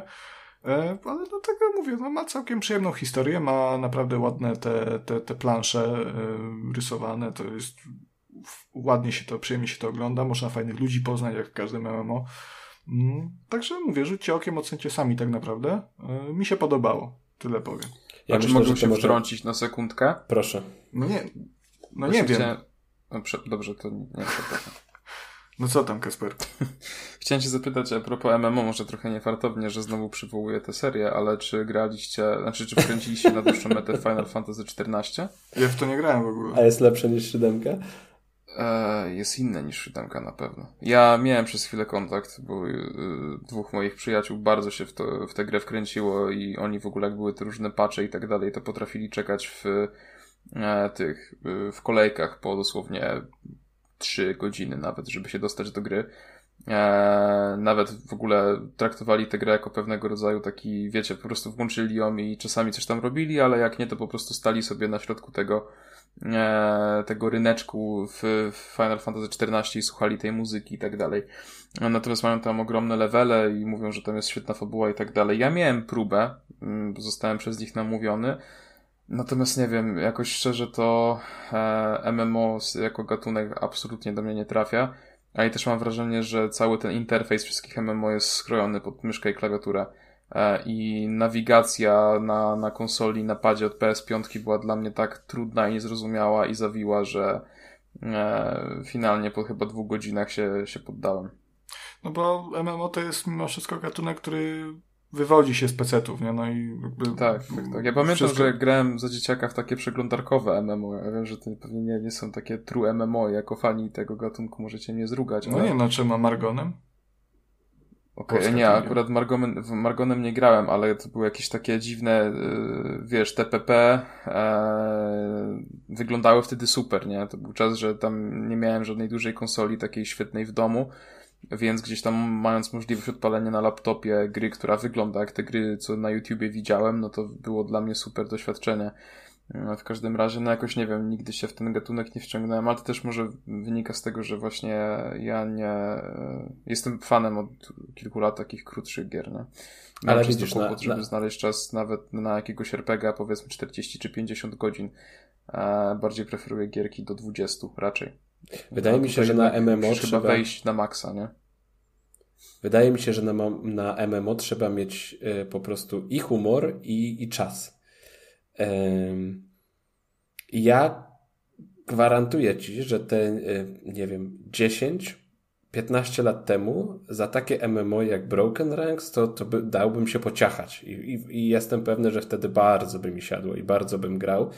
E, a teraz jednak no, staram się unikać, bo wiem, że zaangażowanie się w MMO wiąże się z tym, że przepadnie mi dużo, dużo fajnych gier. Bo nie będę miał po prostu na nie czasu. No i to tak, to, to jest takie coś za coś. No. Też chyba wolę zagrać w 4-5 mniejszych indyczków, niż poświęcić te godziny na, na kolejne MMO. Ale to wiesz, to na zasadzie co tam komu sprawia po prostu przyjemność i, i jeżeli lubicie MMO, bo to też trzeba być no, takim, a nie innym typem gracza, który jest tam gdzieś otwarty na zawieranie tych przyjaźni w grze i tak dalej. Więc jeśli to sprawia frajdę, to, to jak najbardziej sięgać w, w kontekście tego, że gracze MMO są kojarzeni raczej z piwnicą, to jest dość takim trochę paradoksem. Ale ja do tej pory na Facebooku mam jakieś takie osoby, z którymi jestem e, znajomymi, które gdzieś tam poznałem właśnie grając w WoWa na przykład. To fajne jest. Nie no, ja się śmieję, nie? Tylko chodzi mi po prostu o to, że e, jeżeli myślisz o graczu MMO, który poświęca swój, swój czas, nie, na tam rajdowanie instancji, na pokonywanie bossów tam w gildiach jakichś, nie? no to to jest trochę tak jak w South Parku był ten odcinek z Wowem, nie? Że to byli tacy grubi spoceńcy, nie? Którzy e, energetyki chleją cały czas i jedzą tak, pizzę tak, z, tak, z tak. mikrofali. Wiem, wiem o co ci chodzi. Natomiast, natomiast no, w kontekście Wiemy tego, z autopsji, że... nie? Tak, nie, no, no, no. Każdy, każdy taki, taki etap przechodził, wydaje mi się. Ja pamiętam, jak e, to jeszcze były czasy wczesnego chyba gimnazjum, była na Interi, to była gierka Interi, taka przeglądarkowa, na, nazywała się Blood Wars. E, ona chyba ciągle istnieje jeszcze, ale pewnie już um, umarła. To jakieś takie z wampirami? Tak, tak, tak. Ja w to Jezu, grałem, ja grałem jak popieprzony, Konrad. Ja tam potrafiłem się obudzić o drugiej, trzeciej w nocy, żeby kliknąć, e, wiesz, dwa przyciski, bo coś tam, bo coś tam. I organizowaliśmy akcje, i były te klany, i tam się, ja, jakie tam się, masę pięknych wspomnień z tego mam, ale jednak ciągle gdzieś z tyłu głowy boli mnie to, ile ja czasu na to poświęciłem i jak ja ten czas poświęciłem. I też narobiłem sobie wtedy na, naprawdę dużo zaległości, jeśli chodzi o gierki. No i pamiętam sytuację, że, no, wiesz, jako tam szef klanu jakiegoś, Siedziałem przed tym komputerem, miałem odpaloną tę grę i tak nie robiłem w sumie nic, bo tam oczywiście ilość jakichś takich podstawowych akcji była ograniczona, ale mogłeś wysyłać wiadomości do klanu, mogłeś kombinować na zapas rzeczy i tak dalej. I po prostu ja nie wiem dlaczego ja, ja opętany byłem, to, to nie potrafię tego inaczej wytłumaczyć. Ale ja naprawdę... sobie włączyłem, ale mi się wspomnienia ten Masę, odpaliły. masę. I tam miałem regularne premium. To przy każdej możliwej okazji, jak tylko była kasa na, na koncie, to wysyłałem SMS albo jakiś tam przelew za chyba tam 7 czy 10 złotych i, i grałem. Ja, ja więcej z takich gier grałem w tego, w Gladiatusa. A kojarzę, to, to kojarzę, ale... Na, na tej samej zasadzie co Blood Wars, tylko z gladiatorami. Jest, piękna to była gra. Piękna, piękna. Masę pięknych wspomnień mam. Chodziło się Kacper na wyprawki. nie wie, o czym mowa w ogóle teraz. Nie mam żadnego pojęcia. A, to byli czasy, to byli czasy. Marodzenie to... starych dziadów. Dajcie spokój. Dobrze, masz coś jeszcze do dodania o, o Broken Ranks? No bo teraz mam wyrzuty sumienia, że faktycznie powiedziałeś, że, że taka negatywna nam ta recenzja wyszła. Ja myślę, że trochę za dużo narzekałem, ale to moje narzekanie właśnie wynikało nie z tego, że, że ta gra jakoś mi się nie spodobała, bo ja się naprawdę przez te kilkanaście godzin świetnie bawiłem i to nie było tak, że ja musiałem e, podchodzić do tego z recenzenckiego obowiązku i to była dla mnie męka, bo mi się naprawdę fajnie tę te, te, te grę śledziło i, i było przyjemnie. E, poza jakimiś tam właśnie tymi małymi chwilami grindu. Mm. Także myślę, że, że, że polecamy. Yy, polecamy dla ludzi, którzy chcą zagrać w MMO. Tyle. Tak, e, to może przejdźmy teraz do chińskich bajek. O, dawno nie było. Udawanych polskich chińskich bajek do takich chińskich chińskich bajek. Ja tylko chcę powiedzieć w tym miejscu, że jestem bardzo zazdrosny i Konrad chce zrobić jakiś chiński takeover naszego podcastu i jestem. Ja nie wiem, co się, ja nie wiem, co się dzieje, naprawdę. Bo ja od grudnia z chińskimi bajkami mam tyle do czynienia, że to już mnie zaczyna niepokoić. Znaczy, mnie tutaj nie ma jeden odcinek i nagle Babylon's Fall, nagle Final Fantasy VII ukochane. E, tutaj jeszcze jakieś wtrącenie, że sobie oglądał Ghost in the Shell. Tutaj teraz Personka, tutaj jeszcze jakaś Valkyria E, Konrad. To jeszcze One Piece'a wczoraj skończyłem pierwszy sezon oglądać i jakieś sezon... Co skończyłeś? One Piece'a pierwszy sezon. Wow. To jest jak, no, tak głupie to jest, ale tak fajne, ja nie wiem. To jest, to jest o, o, piracie z gumy. Ale czy One Piece ma sezony? Bo, bo... Ma, ma, ma, ma, ma, ma. Bo na malu jakieś, masz po prostu są... ponad tysiąc epizodów i one chyba, że to może tak, to wewnętrznie jest... się dzielą na, na jakieś znaczy, sezony. One się wewnętrznie dzieją i na przykład jak Crunchyrolla sobie mam Czy może ci chodzi na, o arki? To się w mangozjebstwie to się na to mówi arki. Nie, o te sagi. nie wiem jak to się nazywa. Ja wiem, że tam są arki, ale w ramach jednego sezonu tam jest kilka tych story arków. Ja już chyba muszę kończyć na dzisiaj. I pierwszy, pierwszy sezon One Piece'a się nazywa East Blue chyba? Ko kolego, ja niedawno byłem w kinotece na nowym filmie One Piece'a, emitowanym specjalnie na evencie Crunchyrolla razem z e, dwoma epizodami, jakimiś tam filerami, które właśnie e, wprowadzały jakby w tę fabułę, także ja tutaj jakby wiesz, wiem, że Laffy ten, ten owocek wpieprzył i się potem wyginął. No, słuchaj, może słuchacze nie wiedzą. W ogóle jest, są sezony. No, na Crunchyrollu jest, jest 13 tych sezonów. Pierwszy to jest ten East Blue i on jest od pierwszego do 61 odcinka. Natomiast przyznam, że jak zobaczyłem, że tych odcinków jest najnowszy sezon to jest odcinki 892 do Current. to mi się zrobiło słabo, nie? To wtedy właśnie powiedziałeś, dobra, wchodzę w to. Tak, jak sobie wygoogluję ile, ile One Piece ma odcinków, to, to jest... Mi się wydaje, że już ponad się... tysiąc ma. Tak, no sobie widziałem, że 950 chyba, coś takiego. No w każdym razie, no wkręciłem się w te, w te chińskie bajki. Przepraszam ten, że się wtrącę, 1046 ma na ten moment. Kogoś tam popierdoliło. Tak, tak, Ale to, żeby dosyć, było ciekawie, to ci, to ci powiem, że Eiichiro Oda, czyli twórca mangi, od, od dosłownie jakichś 10 lat co chwilę mówi, że One Piece jest prawie skończony, ale jeszcze trochę mu brakuje. Także... Yy, tak od, od, od pięciu, pięciu, pięćset, pięćsetnego epizodu One Piece jest trochę skończony, ale jeszcze trochę mu brakuje. Łącznie z tego co widzę jest 20 sezonów chyba tego. Yy tego One Piece'a. No, słuchaj, no, no powodzenia. To zdecydowanie lepiej poświęcić ten czas na ale, Broken Ranks, to jest. Ale, ale, ale, ale nie, One Piece jest bardzo fajny. Podoba mi się w ogóle, że na Wikipedii jest, y, jak, jak jest y, w tej takiej stopce, nie? Tam są y, spis odcinków. To jest pierwsza lista, to są se sezon pierwszy do ósmego, druga lista od dziewiątego do czternastego i trzecia lista od piętnastego do dwudziestego. Bardzo urocza to jest. Ale e, fajnie, fajnie tak, Konrad, że się tak wkręciłeś. To w takim razie zamiast powodzenia powiem ci Gambatte, a od przyszłego odcinka witamy się Co? Ohio gozaimasu. Gambatte, kurwa.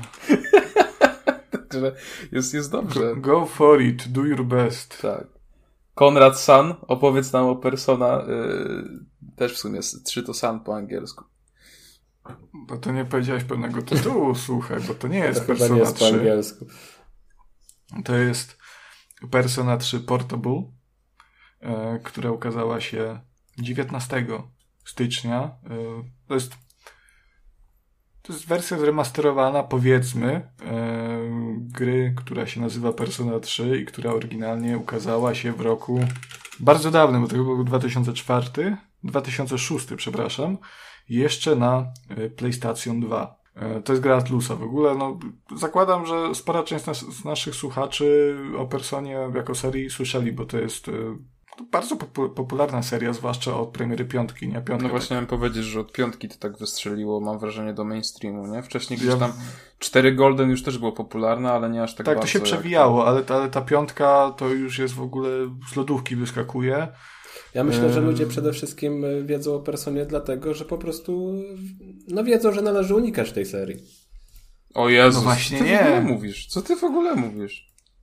No właśnie, nie, ja, ja, ja też tak myślałem kiedyś. No nie, bo to jest w ogóle, tu można się, się wdawać w historię, nie, że to jest tam spin-off serii Shin Megami Tensei, nie, która tam jeszcze sięga lat 90. chyba, że jak nie lepiej. Um, ale Persona to jest, to jest taki osobny byt. E, i to można w skrócie opisać jako gra o licealistach, którzy w nocy walczą z cieniami. E, przynajmniej trójka o tym opowiada. E, I teraz ta, ta gra, ta trójka Portable, która się ukazała, to jest remaster. Mm, tylko to nie jest remaster tej wersji z PS2, tylko remaster, tak jak tytuł wskazuje, Persona 3 Portable, wersji wzbogaconej, tak to można ładnie nazwać, która się ukazała na PSP parę lat później. I to jest bardzo ważne tutaj, e, żeby o tym powiedzieć na starcie, e, bo to ma istotne konsekwencje dla samej gry. E, wersja na PSP różniła się nieco od, od tej pierwotnej trójki, chociażby tym, że nie ma wino ci otworzyć, kochanie? Tak? Poproszę. Poproszę. No proszę. Przyszła...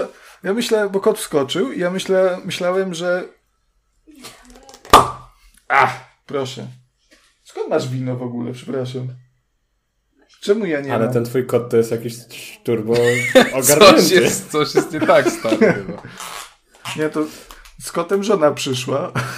ja nie wiem, dlaczego, dlaczego przyszedł tandem Madzia i kot z winem. Czy ty planujesz kota upić? Babski wieczór. Tak. Tak zwany. Wieczór, znaczy, no. E, ja bym się chciał tylko Konrad dowiedzieć, czy to nie jest na przykład tak, że odkąd ty zacząłeś zgłębiać temat chińskich bajek i poświęcać mu więcej uwagi, to żona zaczęła pić więcej wina? Wiesz co? Chyba, chyba może tak być, bo dzisiaj się mnie zapytała o fabułę persony. I ja powiedziałem.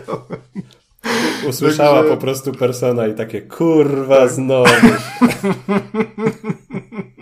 Nie wyczymię tego na część, bo Konrad, kurwa, otwieraj ten kurek. Yy, tak, ale dobra, jeszcze tak wracając, abstrahując od żony i wina.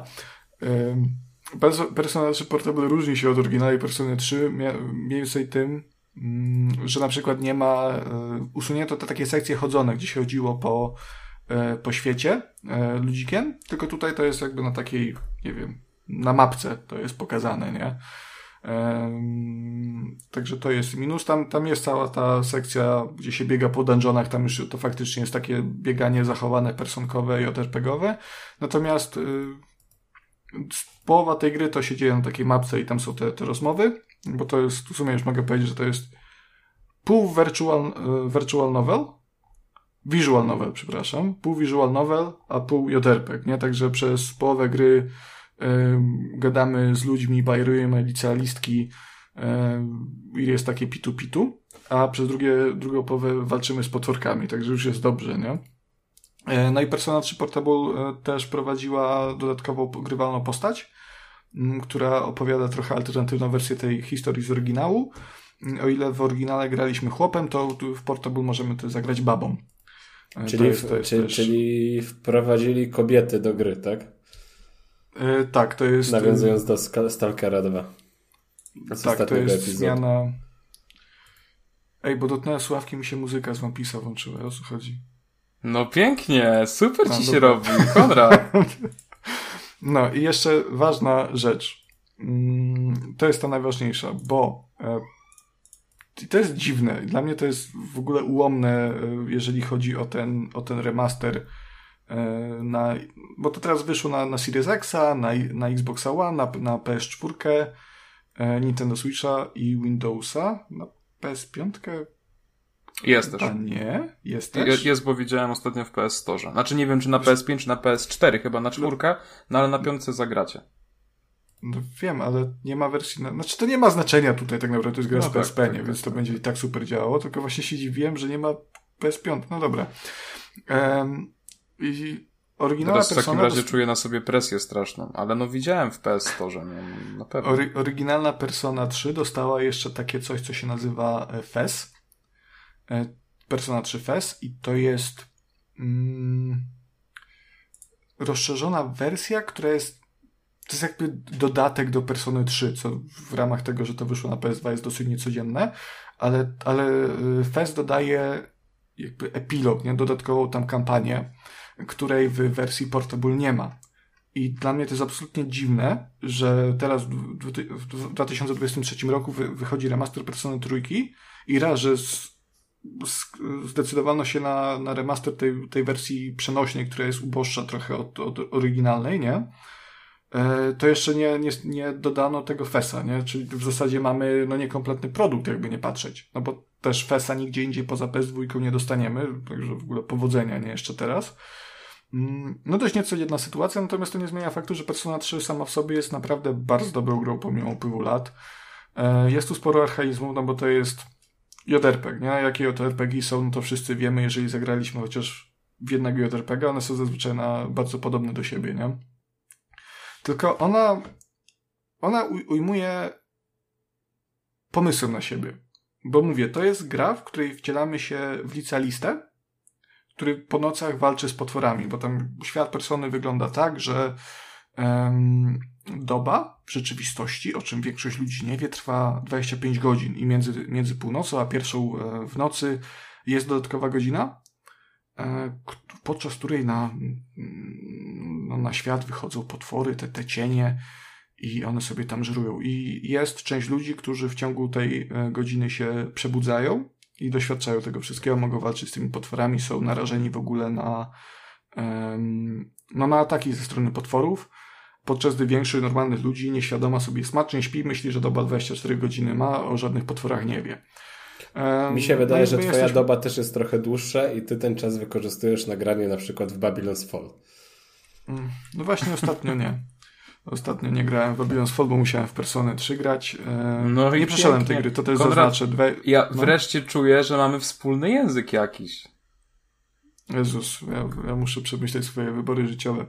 W każdym razie, e, wcielamy się, mówię, w licealistę i jesteśmy jedną z tych osób, które się podczas tej 25 godziny przebudza e, i zostajemy dość szybko zwerbowani przez grupkę, która próbuje odkryć o chuj kurwa chodzi. Dlaczego my się przebudzamy? Dlaczego y, część ludzi smacznie śpi w ogóle w trumnach wtedy? E, I dlaczego też inni ludzie się przebudzają, ale mają mniej szczęścia i ich dusza zostaje powiedzmy uśmiercona, a ich ciało żyje za dnia i są takimi jakby y, zombie, nie? które tak sobie chodzą, jęczą i niewiele więcej robią. Mm, to jest tak, to, to w świecie to określone jako syndrom apatii, nie? No i jest taka, w ogóle ludzie nie wiedzą, co się dzieje, jakaś taka dziwna epidemia tej choroby, ludzie się zaczynają bać, bo nie wiedzą o tych potworach i no naszym celem jest to, e, żeby dojść do tego, co się dzieje, pokonać te wszystkie potwory i uratować świat, uratować ludzi, nie? Ludzkość od tych potworów.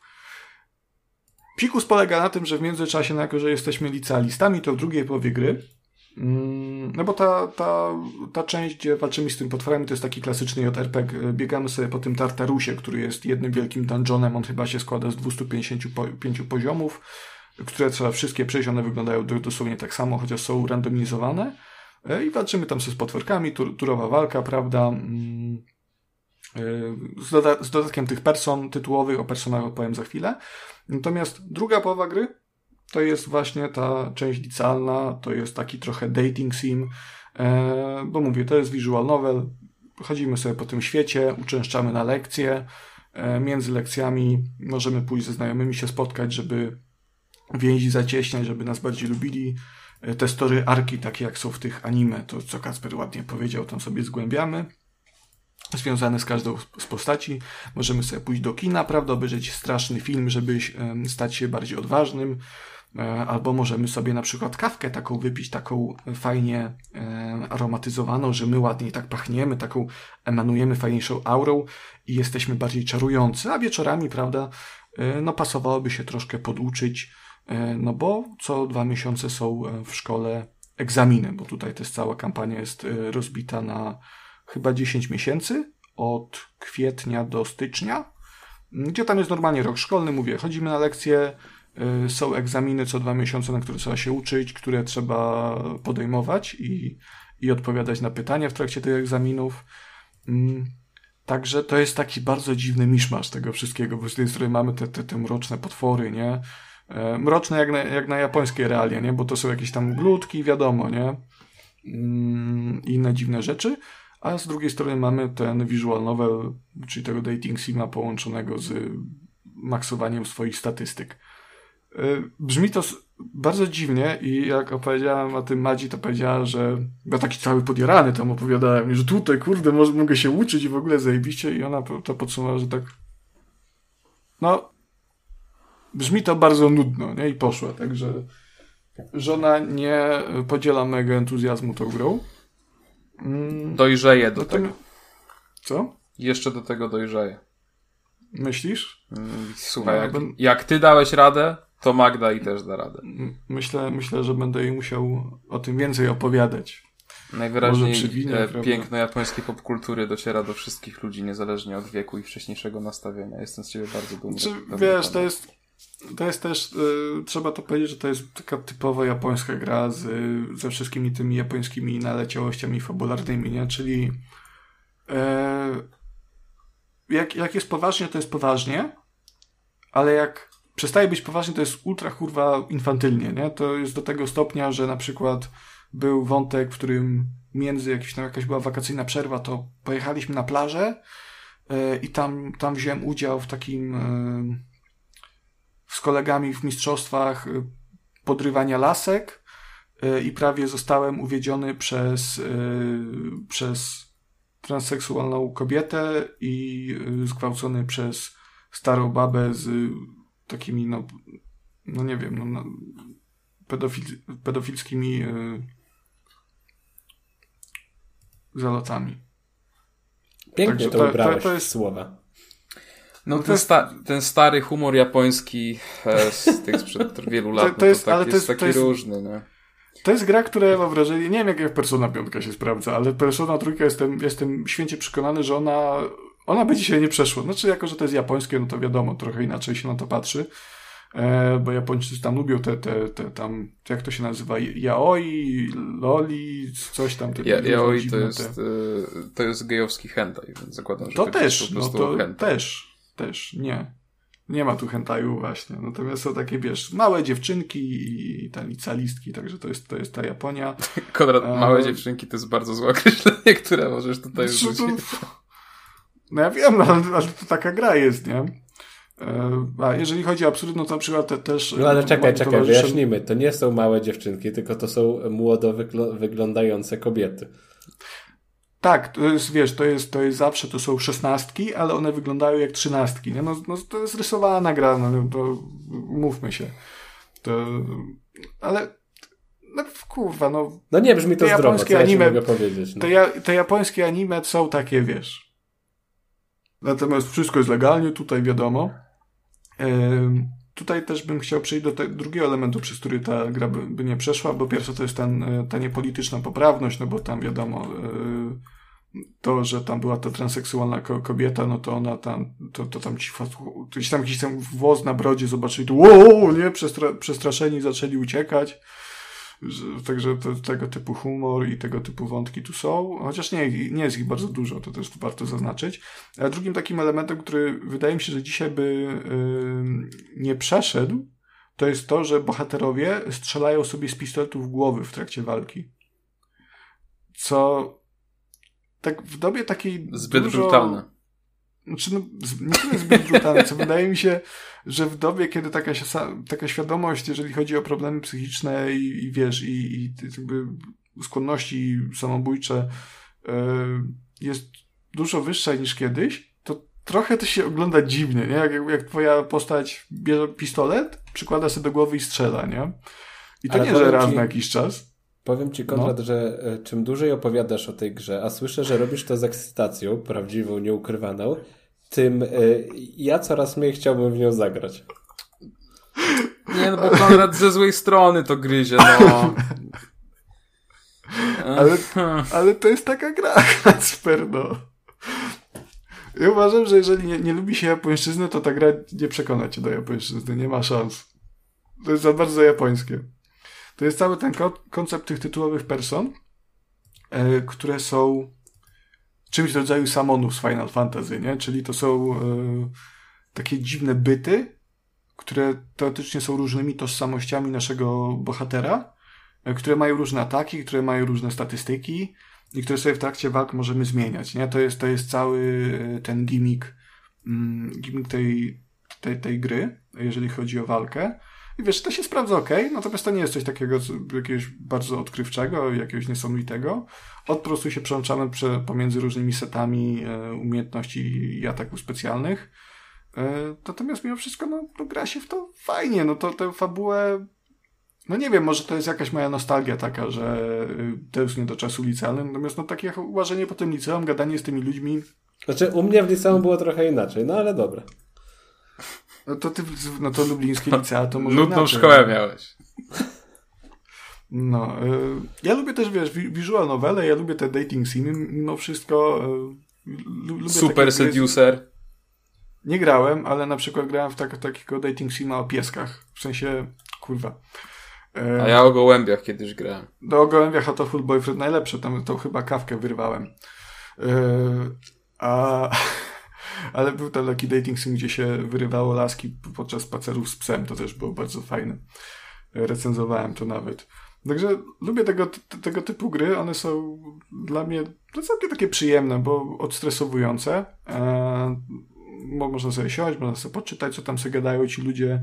Tu jest też japoński dubbing, także to jest dużo tych takich jęków, stęków japońskich. Jak ktoś lubi, to super, jak nie, no to przykra sprawa, ale jest angielski dubbing też można sobie przełączyć. E, ja lubię... Nie, no gdzie, gdzie po angielsku w Persona? Ty Boga w sercu chyba trzeba nie mieć, żeby no, to grać. Kuba grał w tą, w Szczury grał po angielsku. No to, to tam jeszcze w miarę rozumiem, nie? Ale, ale no nie, no, no tutaj akurat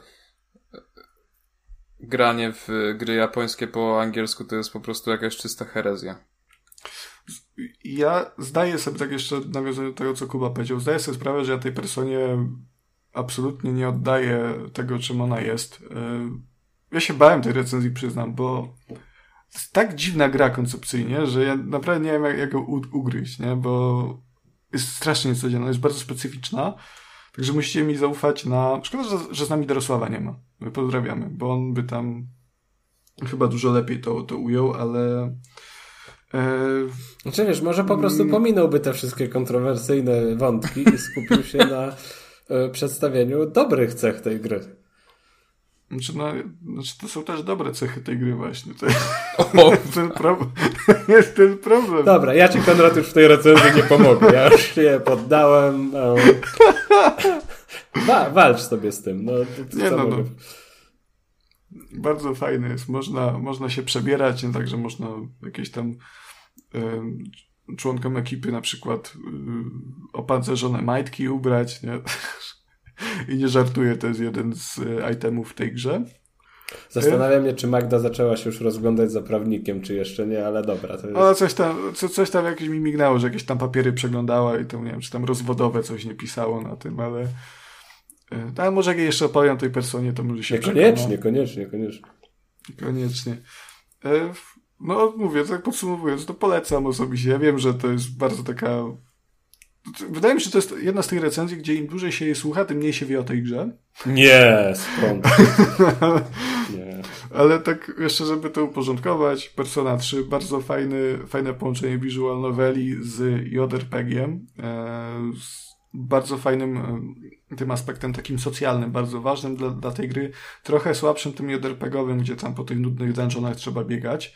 E, to jest też taki konsensus tego, co, co czytałem, ogólny, E, wśród fanów, że to jest najsłabszy. Ten, ten Tartarus, te, te dungeony to są najsłabsze elementy tej gry. Natomiast poza tym e, ta fabuła jest całkiem intrygująca, tam wychodzą nowe rzeczy, jakieś tam z przeszłości, eksperymenty, także to się bardzo fajnie śledzi. Yy, także myślę, że warto przymknąć oko na, na tam jakieś drobne niedociągnięcia czy archaizmy, no bo to jest gra z 2006 roku, mimo wszystko. I w nią zagrać, bo gra się fajnie, no jest, ona jest bardzo dużo jest pomysłów tutaj. Twórcy byli bardzo kreatywni, no nie da się, się ukryć pod względem i wizualnym, i tam po, przy niektórych wątkach. No i myślę, że warto, zwłaszcza, że ta gra jest teraz dostępna w Game Passie, nie? No to za, tam za te 4 zł No plus nawet y, na PS to, że kosztuje 89 zł. Tak, tak, więc tak. No to też nie jest, jest dużo. Tym bardziej, jeśli jesteście y, jedną z tych osób, które liczą kwotę na ilość godzin w grze. Jeśli tak, to, tak. Nie, rób, nie, to nie róbcie tego, ale, ale zarazem będziecie zadowoleni z persony. No bo tutaj macie zabawę na naprawdę nawet setki godzin, jeśli. To jest, no setki może. No po, ale, ale stówę wyciśniesz, jak chcesz wszystko wycisnąć. To 100 wrzucisz w tę grę. To, to jest gra na jakieś 40, jednorazowe przejście, to jest jakieś około 40 godzin. No ja jestem gdzieś w połowie, to mi zajęło 22, nie? Więc yy, także przyznaję się, nie przeszedłem tego jeszcze. No za 9 dych to e... i tak jest dobrze, słuchaj. Tak, no do tego jest ta, ta druga kampania, można sobie jeszcze raz przejść, to jest ta sama historia, tylko troszkę inna, z troszkę innymi wątkami, to jest drugie 40 godzin. No i mówię, no, no, no gra się super, no jestem, jestem kupiony. Yy, jeszcze jedna kwestia, jeżeli chodzi o sam remaster, nieźle, ale mogłoby być lepiej, no już abstrahując od tego, że nie ma tego do, dodatku kompletnie i to jest ta wersja z PSP, e, no to, no wiesz, no to działa dobrze, no działa w tych 60 klatkach, no bo trudno, żeby nie działało. Jest podbite do tych wyższych rozdzielczości. Natomiast tam są takie drobne rzeczy, o które można się przypieprzyć, że jest e, trochę tło rozpikselowane, że dźwięk jest e, bardzo mocno skompresowany, gdzie nie, gdzie to słychać. No to jest wersja z PSP mimo wszystko. E, także to mogłoby wy, wypaść lepiej, ale mimo wszystko to jest, to jest bardzo dobra gierka i ja osobiście polecam. Ja bym tylko jeszcze teraz na koniec poprosił Kacpera. Kacper, u- ubierz to w tak, nie wiem, 3-5 zdań, yy, żeby to miało więcej pozytywnego wydźwięku. Jeżeli to jest naprawdę taka dobra gra i tak bardzo ją polecacie. Czasy licealne, świetny JRPG, podrywanie babuszek. Dobra, nie pomagasz. Przejdźmy do następnej. Ale, wiesz, bo Kuba, problem jest w tym.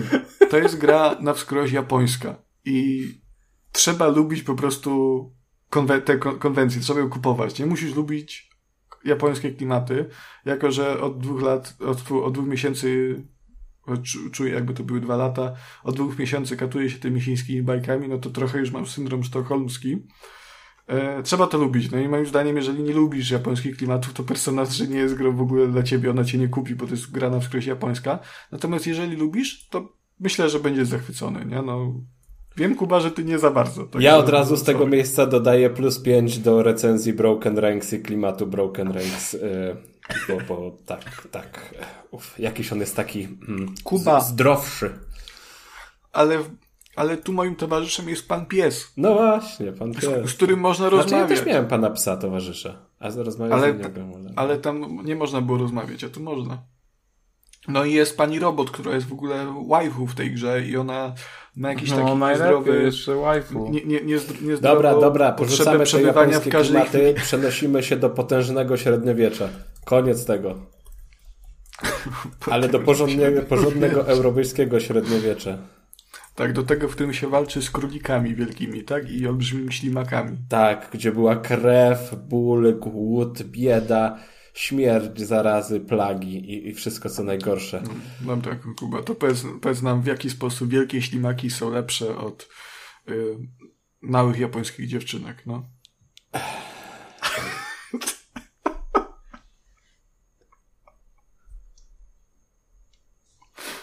Tak. chyba się Kuba tak. Z... Szkłoba, wiesz co, już też nie zgrywaj takiego, wiesz, pana dorosłego, nie? To... Wszyscy skończycie na kozetce, tyle wam mogę powiedzieć. Wszyscy prędzej, wiemy, że kon... Kuba, Kuba wyłączy mikrofon, zamknie laptopa i pójdzie oglądać Yuri on Ice. Oni-chan? Yamete kudasai? Jata, jata! Co tam się dzieje? Jej.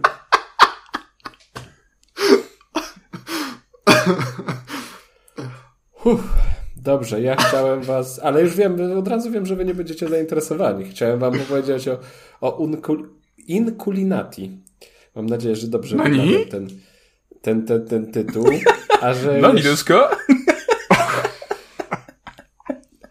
że to jest dodatkowo turówka, to już wiem, że w ogóle nie będę miał tutaj publiki, jeśli chodzi no, o czemu? was. Przecież, przecież JRPG bardzo lubimy.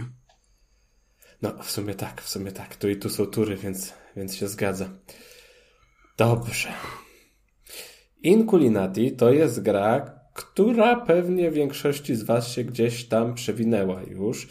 Um, niewykluczone, że dlatego, że jest to polska produkcja, a odpowiada za A nie japońska? Yaza Games. Nie, nie jest japońska, na szczęście.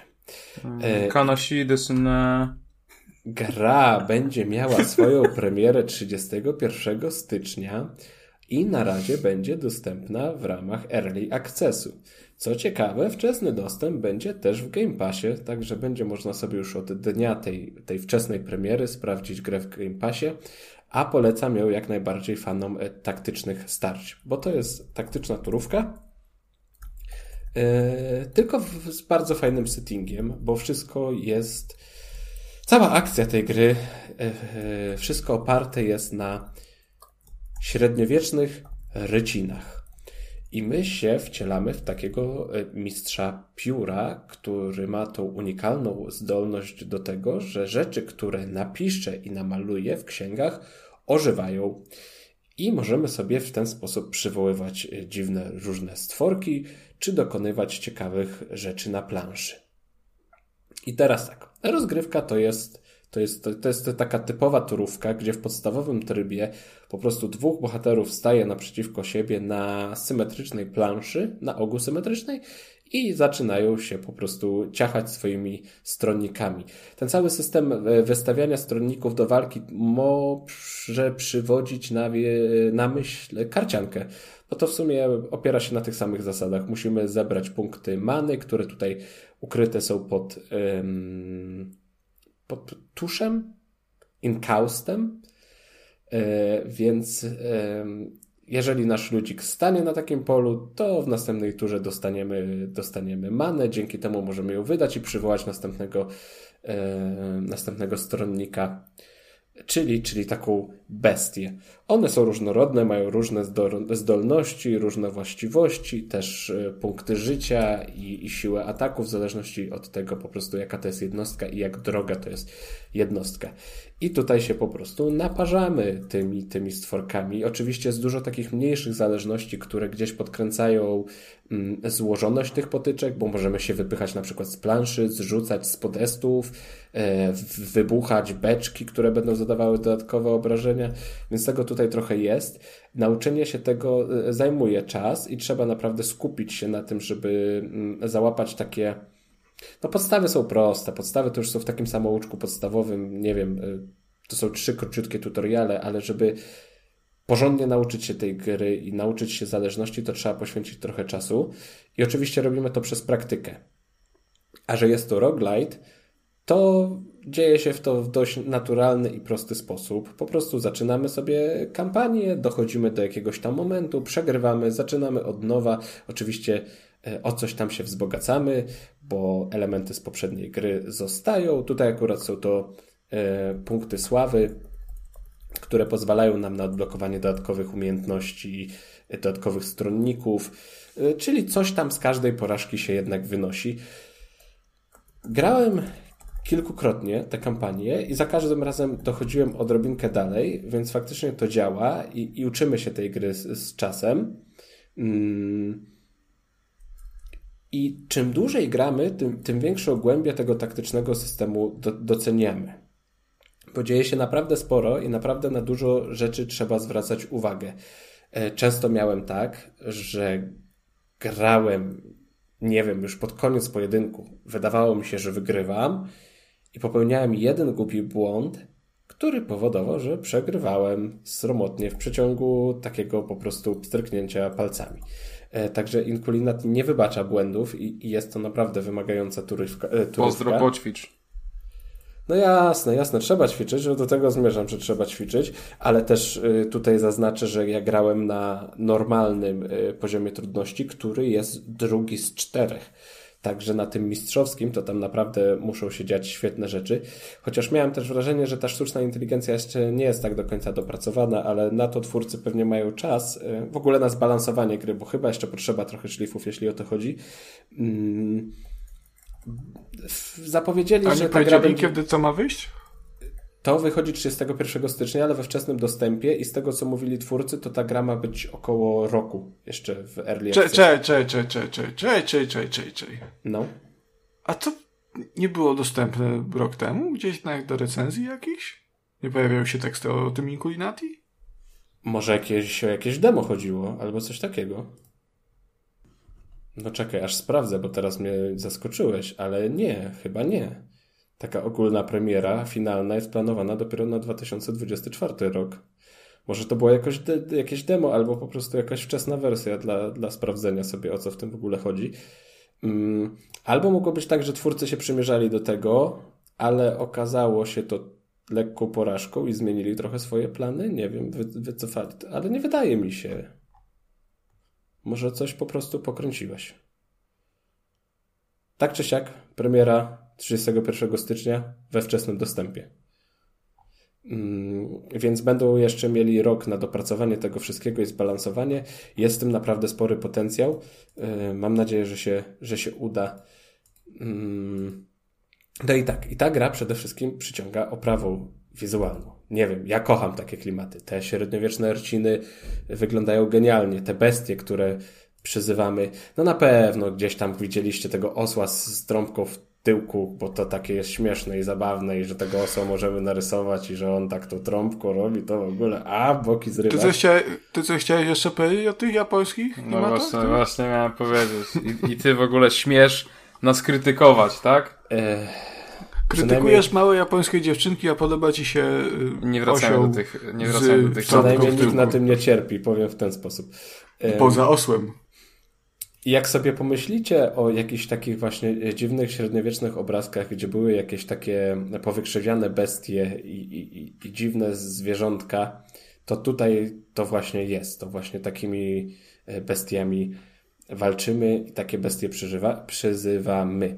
Możemy mieć armię z królików, możemy mieć armię stworzoną z lisów, z jakichś diabołów, e, czy na przykład też jest kot biskup, którego wam podsyłałem E, bo to nawiązywało fajnie do, do Konrada przeszłości jako wikary. Także, także. Pamiętam, piękne to były czasy w seminarium duchownym w Ciechocinku. Mm. Ale jednak te japońskie bajki sprawiły, że zrezygnowałeś z tej drogi. E, mam nadzieję, że było warto. Dobrze, to ja jeszcze przedstawię takie podstawowe elementy tej całej y, zabawy w kampanii, bo to też nie jest takie proste, że po prostu toczymy pojedynek za pojedynkiem, bo i w tym aspekcie trzeba trochę pokombinować i trochę zwracać uwagę na swoje przyszłe akcje. E, zaczynamy oczywiście od wybrania takiego standardowego, początkowego seta. Tam możemy określić, jakie bestie chcemy mieć w swojej talii, jakie umiejętności, jakie bonusy pasywne. Tak jak wspominałem wcześniej, z czasem rośnie dostęp nam do tych, do tych elementów. I teraz tak, na pierwszej planszy ta kampania jest podzielona na kilka etapów. I na pierwszej planszy do głównego celu mamy kilka dróg. W zależności od tego, którą drogę wybierzemy, e, takiego rodzaju bitwy będziemy toczyć, albo do takich pól dotrzemy. Także tutaj e, możemy sobie już planować naszą drogę do końca pierwszej mapki i, I warto zwracać na to uwagę, co jest tam nam akurat w danym momencie potrzebne. Przede wszystkim, jeśli chodzi o nasze bestie. Bo to też nie jest tak, że jeśli opracujemy taką złotą technikę, to możemy wykorzystywać ją w każdym pojedynku. Otóż bestie w trakcie każdej walki się męczą. I teraz w zależności od tego, ile w trakcie jednej potyczki razy wystawimy danego potworka, tyle punktów zmęczenia on dostaje, co spowoduje, że już podczas następnej walki on będzie odpowiednio droższy. Hmm, czyli jeżeli standardowo bestia kosztowała 6 punktów, to w przyszłości może kosztować nawet 12. E, jeśli chcemy to zniwelować, to musimy dać jej odpocząć, czyli w ogóle nie brać jej ze sobą do następnej walki, nie wystawiać jej i nie używać.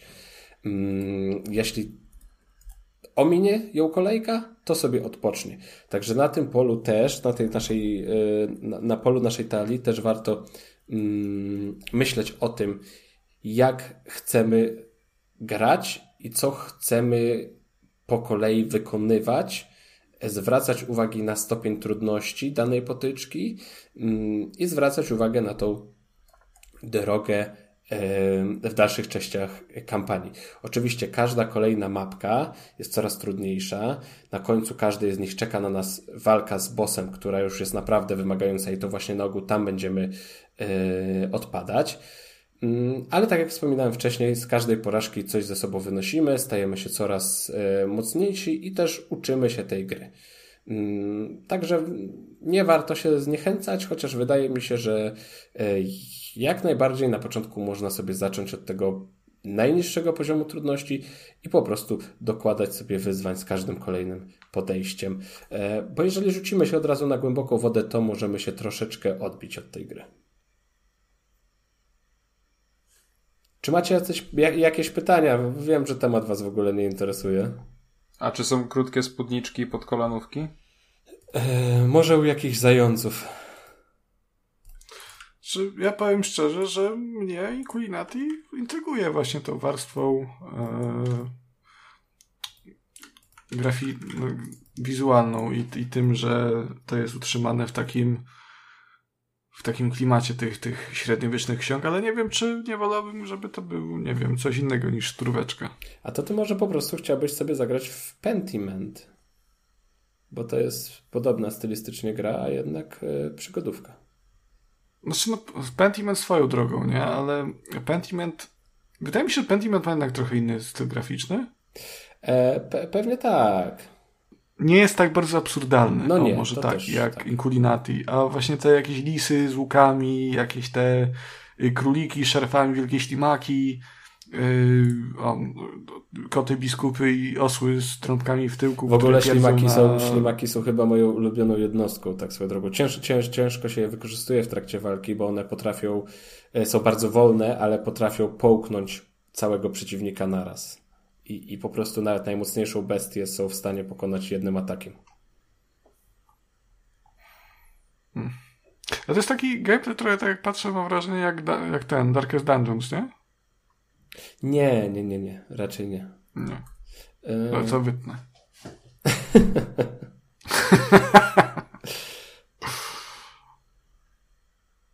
To jest taka bardziej karcianka, ale ona też ma trochę takie szachowe elementy, mi się wydawało, bo czasami tymi figurami na tym polu 2D przestawiamy w taki sposób, że po prostu. E, no trochę to jest takie szachowe, że ja zrobię to, to ty zrobisz to i od razu trzeba pomyśleć e, na kilka tur z wyprzedzeniem, co tam się mniej więcej wydarzy. Ja szukam informacji właśnie o tej dacie premiery. No o, no o, o jest, no o, pa. Pa, w 2020 roku już było coś tam dostępnego, ale to faktycznie yy, ale to faktycznie nie były nie była recenzja, tylko to był chyba taki yy, edycja prasowa? Czy coś ten deseń bardziej? Może taki, taki po prostu, wiesz, trial. Coś takiego, no i ja mówię, ja byłem przez to święcie przekonany, że ta gra w Early Accessie jest od dwóch, no już teraz trzech lat chyba. A tu proszę, tu psikus. Ale to może wynikać z tego, że, że naprawdę na tej warstwie taktycznej ta gra jest złożona i potrzeba czasu, żeby to wszystko dopracować. Mi się wydaje, że ten balans jeszcze nie jest na właściwym poziomie, że on jeszcze potrzebuje szlifów. E, także myślę, że to Early Access też e, właśnie został podyktowany tym, że troszkę tutaj gracze pomogą to wszystko, to wszystko wyrównać. I co? I teraz znowu chińskie bajki. Ja znowu się zaczynam bać. Nie, nie możesz się doczekać, co? No. Kurde. Ale teraz będą normalniejsze chińskie bajki. Bo to będą chińskie bajki. Znowu, znowu to będzie. Remaster to może za dużo powiedziane. Eee, ale to będzie. Emulacja remastera starej gry. I to jeszcze starsze niż Persona 3, e, ponieważ mowa tutaj o Valkyrie Profile Lenneth, e, czyli pierwszej grze z serii Val Valkyrie Profile. I to nie jest, to nie jest ta sama seria co Valkyrie Chronicles, e, bo Val Valkyrie Chronicles to jest są też JRPG, tylko są takie bardziej strategiczne JRPG. Valkyrie Profile to jest taki JRPG w całej swojej JRPGowości. Oryginalnie ta gra została wydana jeszcze chyba w 1999 roku, także to jest już um, dość leciwa produkcja, która nadawałaby się jak najbardziej do um, trójkastu retro, którego pierwszy odcinek ukazał się tydzień temu i do którego przesłuchania e, serdecznie zachęcam, bo uważam, że warto. E, natomiast wersja Lenef e, wyszła parę lat później znowu na PSP, co ciekawe. E, I to jest lekko poprawiona wersja. E, tam dodano chyba dubbing, e, dodano przerywniki filmowe takie w trójwymiarze, bo wcześniej były w wersji anime, e, czyli tutaj Kuba by się z nami zgodził, że jest to olbrzymi minus. Mm, no i ogólnie jest to taka, taka lepsza, lepsza wersja przystosowana do ekranu 16 na 9 I ona teraz wyszła na PS5 i PlayStation 4. I e, to jest ciekawa gra z tego względu, że ona ma bardzo ciekawy setting, ponieważ nie wiem jak to jest, ale Japończycy bardzo lubią brać zachodnią e, kulturę i przerabiać je na swoją modłę. Ostatnio e, gdzieś tam się pojawiły jakieś, nie wiem czy to jest znowu, czy to jest już to wyszło, czy to jest jakiś early access, czy dopiero to zapowiedziano, ale chińska, nie japońska, chińska wersja krzyżaków growa w wydaniu JRPG Także myślę, że to Kubie by się mogło, mogło to spodobać. Łączy wszystko, co Kuba uwielbia, Chiny, Polskę i e, Japonię. E, Valkyrie Profile natomiast sięga po, tu się spodoba Kacprowi, mitologię nordycką. E, ponieważ no tutaj mamy tę tytuł Valkyrię, e, wcielamy się właśnie w nią. E, na jakiś czas przed Ragnarokiem mm, dostajemy od, od e, Frey zlecenie, aby udać się w świat, do Midgardu i tam rekrutować na potrzeby tej wo wojny, mm, wojny tego Ragnaroku mm, różnych bohaterów, którzy dołączą do walki z Odynem, z, z Torem, z innymi tymi bogami. E, I znowu to jest taki, taki, taki JRP, którego tak samo jak Personę możemy podzielić na dwie części. Pierwsza to jest to ty typowo JRPGowa, w której biegamy po dungeonach. Druga natomiast to jest jakby jeszcze tutaj zostając na moment przy tym JRPG-ości, to jest absolutnie standardowy JRPG e, z tą różnicą, że troszkę jest mniej turowy, bo możemy na przykład, e, mamy cztery postacie, każda postać jest przypisana do jednego przycisku na padzie e, i my po prostu wy, wybieramy mm, w jakiej kolejności i w jakich odstępach czasu one atakują. Możemy sobie po kolei tam co kilka sekund ich puszczać albo naraz się rzucić, żeby tam łupali I to różne taktyki trzeba stosować, bo na przykład jak wróg zablokuje atak, to to wszystkie kolejne również. także czasami warto mm, poczekać. Ale poza tym to jest klasyczny JRPG i tu myślę nie warto się na dłużej zatrzymywać, bo jeżeli widzieliście jednego JRPGa, to widzieliście praktycznie wszystkie. Dużo ciekawszą mechaniką w tej grze jest ta druga jej połowa, czyli to werbowanie bohaterów, bo to się odbywa poprzez najpierw takie połączenie duchowe ze światem, w którym e, ta główna bohaterka imieniem Lenev słyszy głosy mm, i słyszy tych umierających różnych ludzi, mm, dowiaduje się gdzie są i można tam wtedy pójść, e, obejrzeć krótką scenkę o tym, o ich krótkiej historii życia, o tym jak umierają, no i wtedy w zasadzie są automatycznie werbowani. Mm, natomiast cały myk polega na tym, że tych, tych bogów nie można sobie to tak wysłać, bo oni do, dołączają najpierw do naszej drużyny i trzeba ich sobie wyhodować. Czyli to prowadzimy taką y, hodowlę bogów tak naprawdę, bo trzeba ich tam dobrze wyposażyć, y, wziąć tam na spacer po dungeonach, żeby tam powalczyli z innymi przeciwnikami, podekspili, e, konkretne umiejętności wy, wylewelować, bo na przykład Freya ma e, różne wymagania, prawda? Na przykład chce e, bohatera, który jest magiem, e, który jest e, zwinny, ma, mm, zna się na dowodzeniu grupą, ale, jest, ale, ale potrafi również pływać nie? I, nie, i nie jest hamem. Także te cechy charakteru i te umiejętności trzeba wylewelować za punkty, które się dostaje co level. E, także jest tam jaka, jakaś warstwa mm, dowolności, bo tam tych bohaterów jest dużo, e, nie trzeba ich wszystkich wysyłać, wystarczy w zasadzie ośmiu. E, sama gra jest podzielona na 8 rozdziałów i każda, każde zejście do lokacji, czy to jest miasto, czy to jest dungeon, kosztuje nas od jakąś tam liczbę mm, z góry nam przedstawioną liczbę. No to jest można powiedzieć, że to są punkty akcji, ale to jest takie okresy, to się, to się tutaj ładnie nazywa. Czy bo to jest czas nas kosztuje tak naprawdę. Mm, także trzeba sobie teoretycznie to wszystko wyważyć, żeby ze wszystkim zdążyć, ale, ty, ale tego czasu w każdym rozdziale jest na tyle, że spokojnie, spokojnie wszystko, co jest im do wykonania, e, wykonamy. E, możemy wysłać jakiegokolwiek Boga chcemy, jakkolwiek wylewelowanego nie musimy spełnić nawet tych e, oczekiwań Frey, możemy od razu posłać jaki jest, taki ze wszystkimi jego wadami, w ogóle nic nie, umiejący e, w jakichś tam szmatach na tyłku. Tylko psikus polega na tym, że od tego jakich tych bogów wysyłamy i czy w ogóle, znaczy nie, nie bogów, tych herosów wysyłamy i czy w ogóle wysyłamy, zależy od tego będzie zakończenie, bo to wpływa na na, na, te, na przebieg wojny. Także im lepsi ci bogowie i im bardziej herosi, przepraszam, im lepsi ci herosi i im e, lepsze statystyki mają, tym większa szansa, że e, w trakcie kolejnych bitew, czy tam jakiś potyczek lepiej się sprawdzą, będą wygrywać, a no, siły Asgardu będą, będą też triumfowały, mm, co doprowadzi do pozytywnego zakończenia, bo są trzy zakończenia. Pierwsze to jest takie najbardziej klasyczne, to jest B, które praktycznie chyba każdy dostanie. E, o C trzeba się postarać, bo to jest e, chyba przegranko.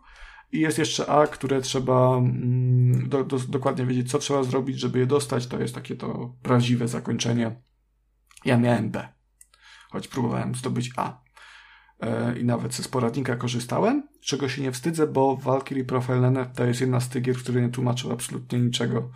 Znaczy niby tłumaczą, ale robią to w taki sposób, że w zasadzie nie wiadomo kto jest kurwa synem kogo i, i dlaczego i po co i, i jak to działa. No ja musiałem w ogóle sprawdzić, e, jak na samym początku ja pchnąć fabułę do przodu, bo gra rzuciła mnie na mapę świata i mogłem sobie wchodzić do lokacji, tam absolutnie nic nie było, nie?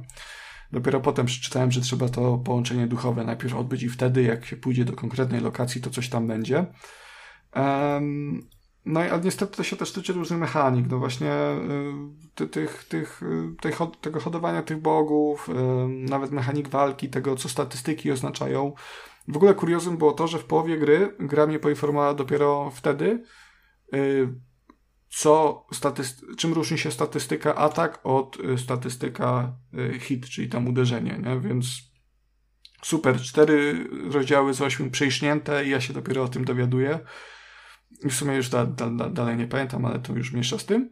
Mm, no i jest też kwestia samego portu, bo wcześniej powiedziałem, że to jest emulacja. Mm, wydawałoby się, że, że twórcy wydając tę, gry, tę grę teraz na nowe konsole jakoś ją zremasterują, że podbiją, nie wiem, może zrobią od nowa te sprite'y, że to będzie wyglądało ładnie.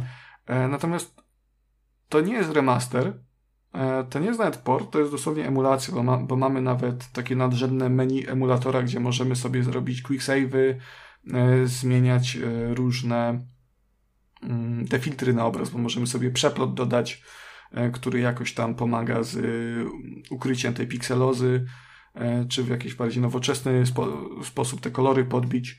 Mm, Także to można robić, a y, przez to, że to jest emulacja, to, że to jest emulacja potwierdza też fakt, że na przykład y, w menusach przyciski, grafiki przycisków, y, to nie są te przyciski z DualSense'a, to są, tylko to są te przyciski y, z PSP.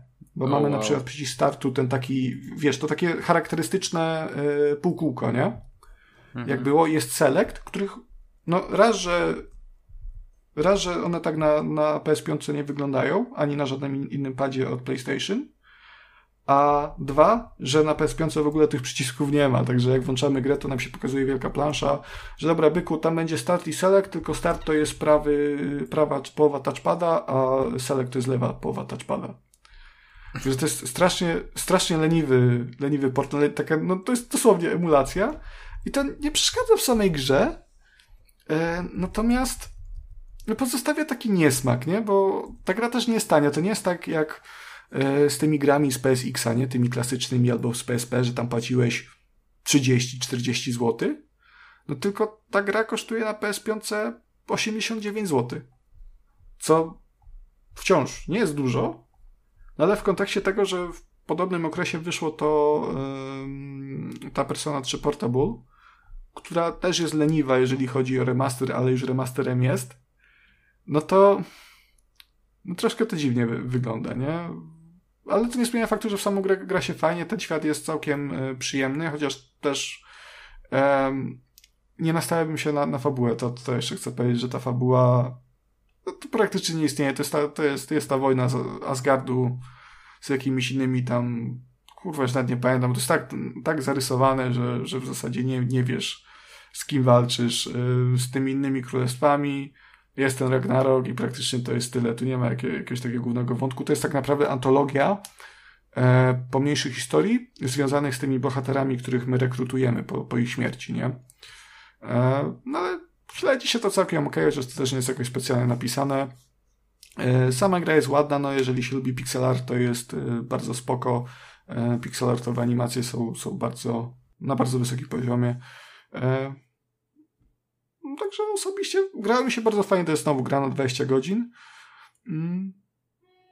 I polecam, jeżeli macie więcej, więcej wolnego czasu, to, i, tak żeby sobie to rozbić na dłuższy czas niż na przykład dwa tygodnie, które miałem na ogranie tego, no to będzie się grało przyjemnie. Jeżeli będziecie chcieli, chcieli to jak najszybciej przejść, to się zakładam zmęczycie, bo to jednak jest JRPG, więc dość monotonna rozgrywka, ale osobiście polecam. Brzmi normalnie, co mogę powiedzieć? I brzmi normalnie, nie? Nie ma małych dziewczynek, znaczy są małe dziewczynki. Dobra, nie, nie, nie, już nieważne. E, Bo- nie, już bo, ten, bo fajnie, zakończyłeś bo już, jedna, Konrad? z, jedna pierwszych jedna z pierwszych bohaterek, które rekrutujemy ma 14 lat, nie? Także się. tu jest...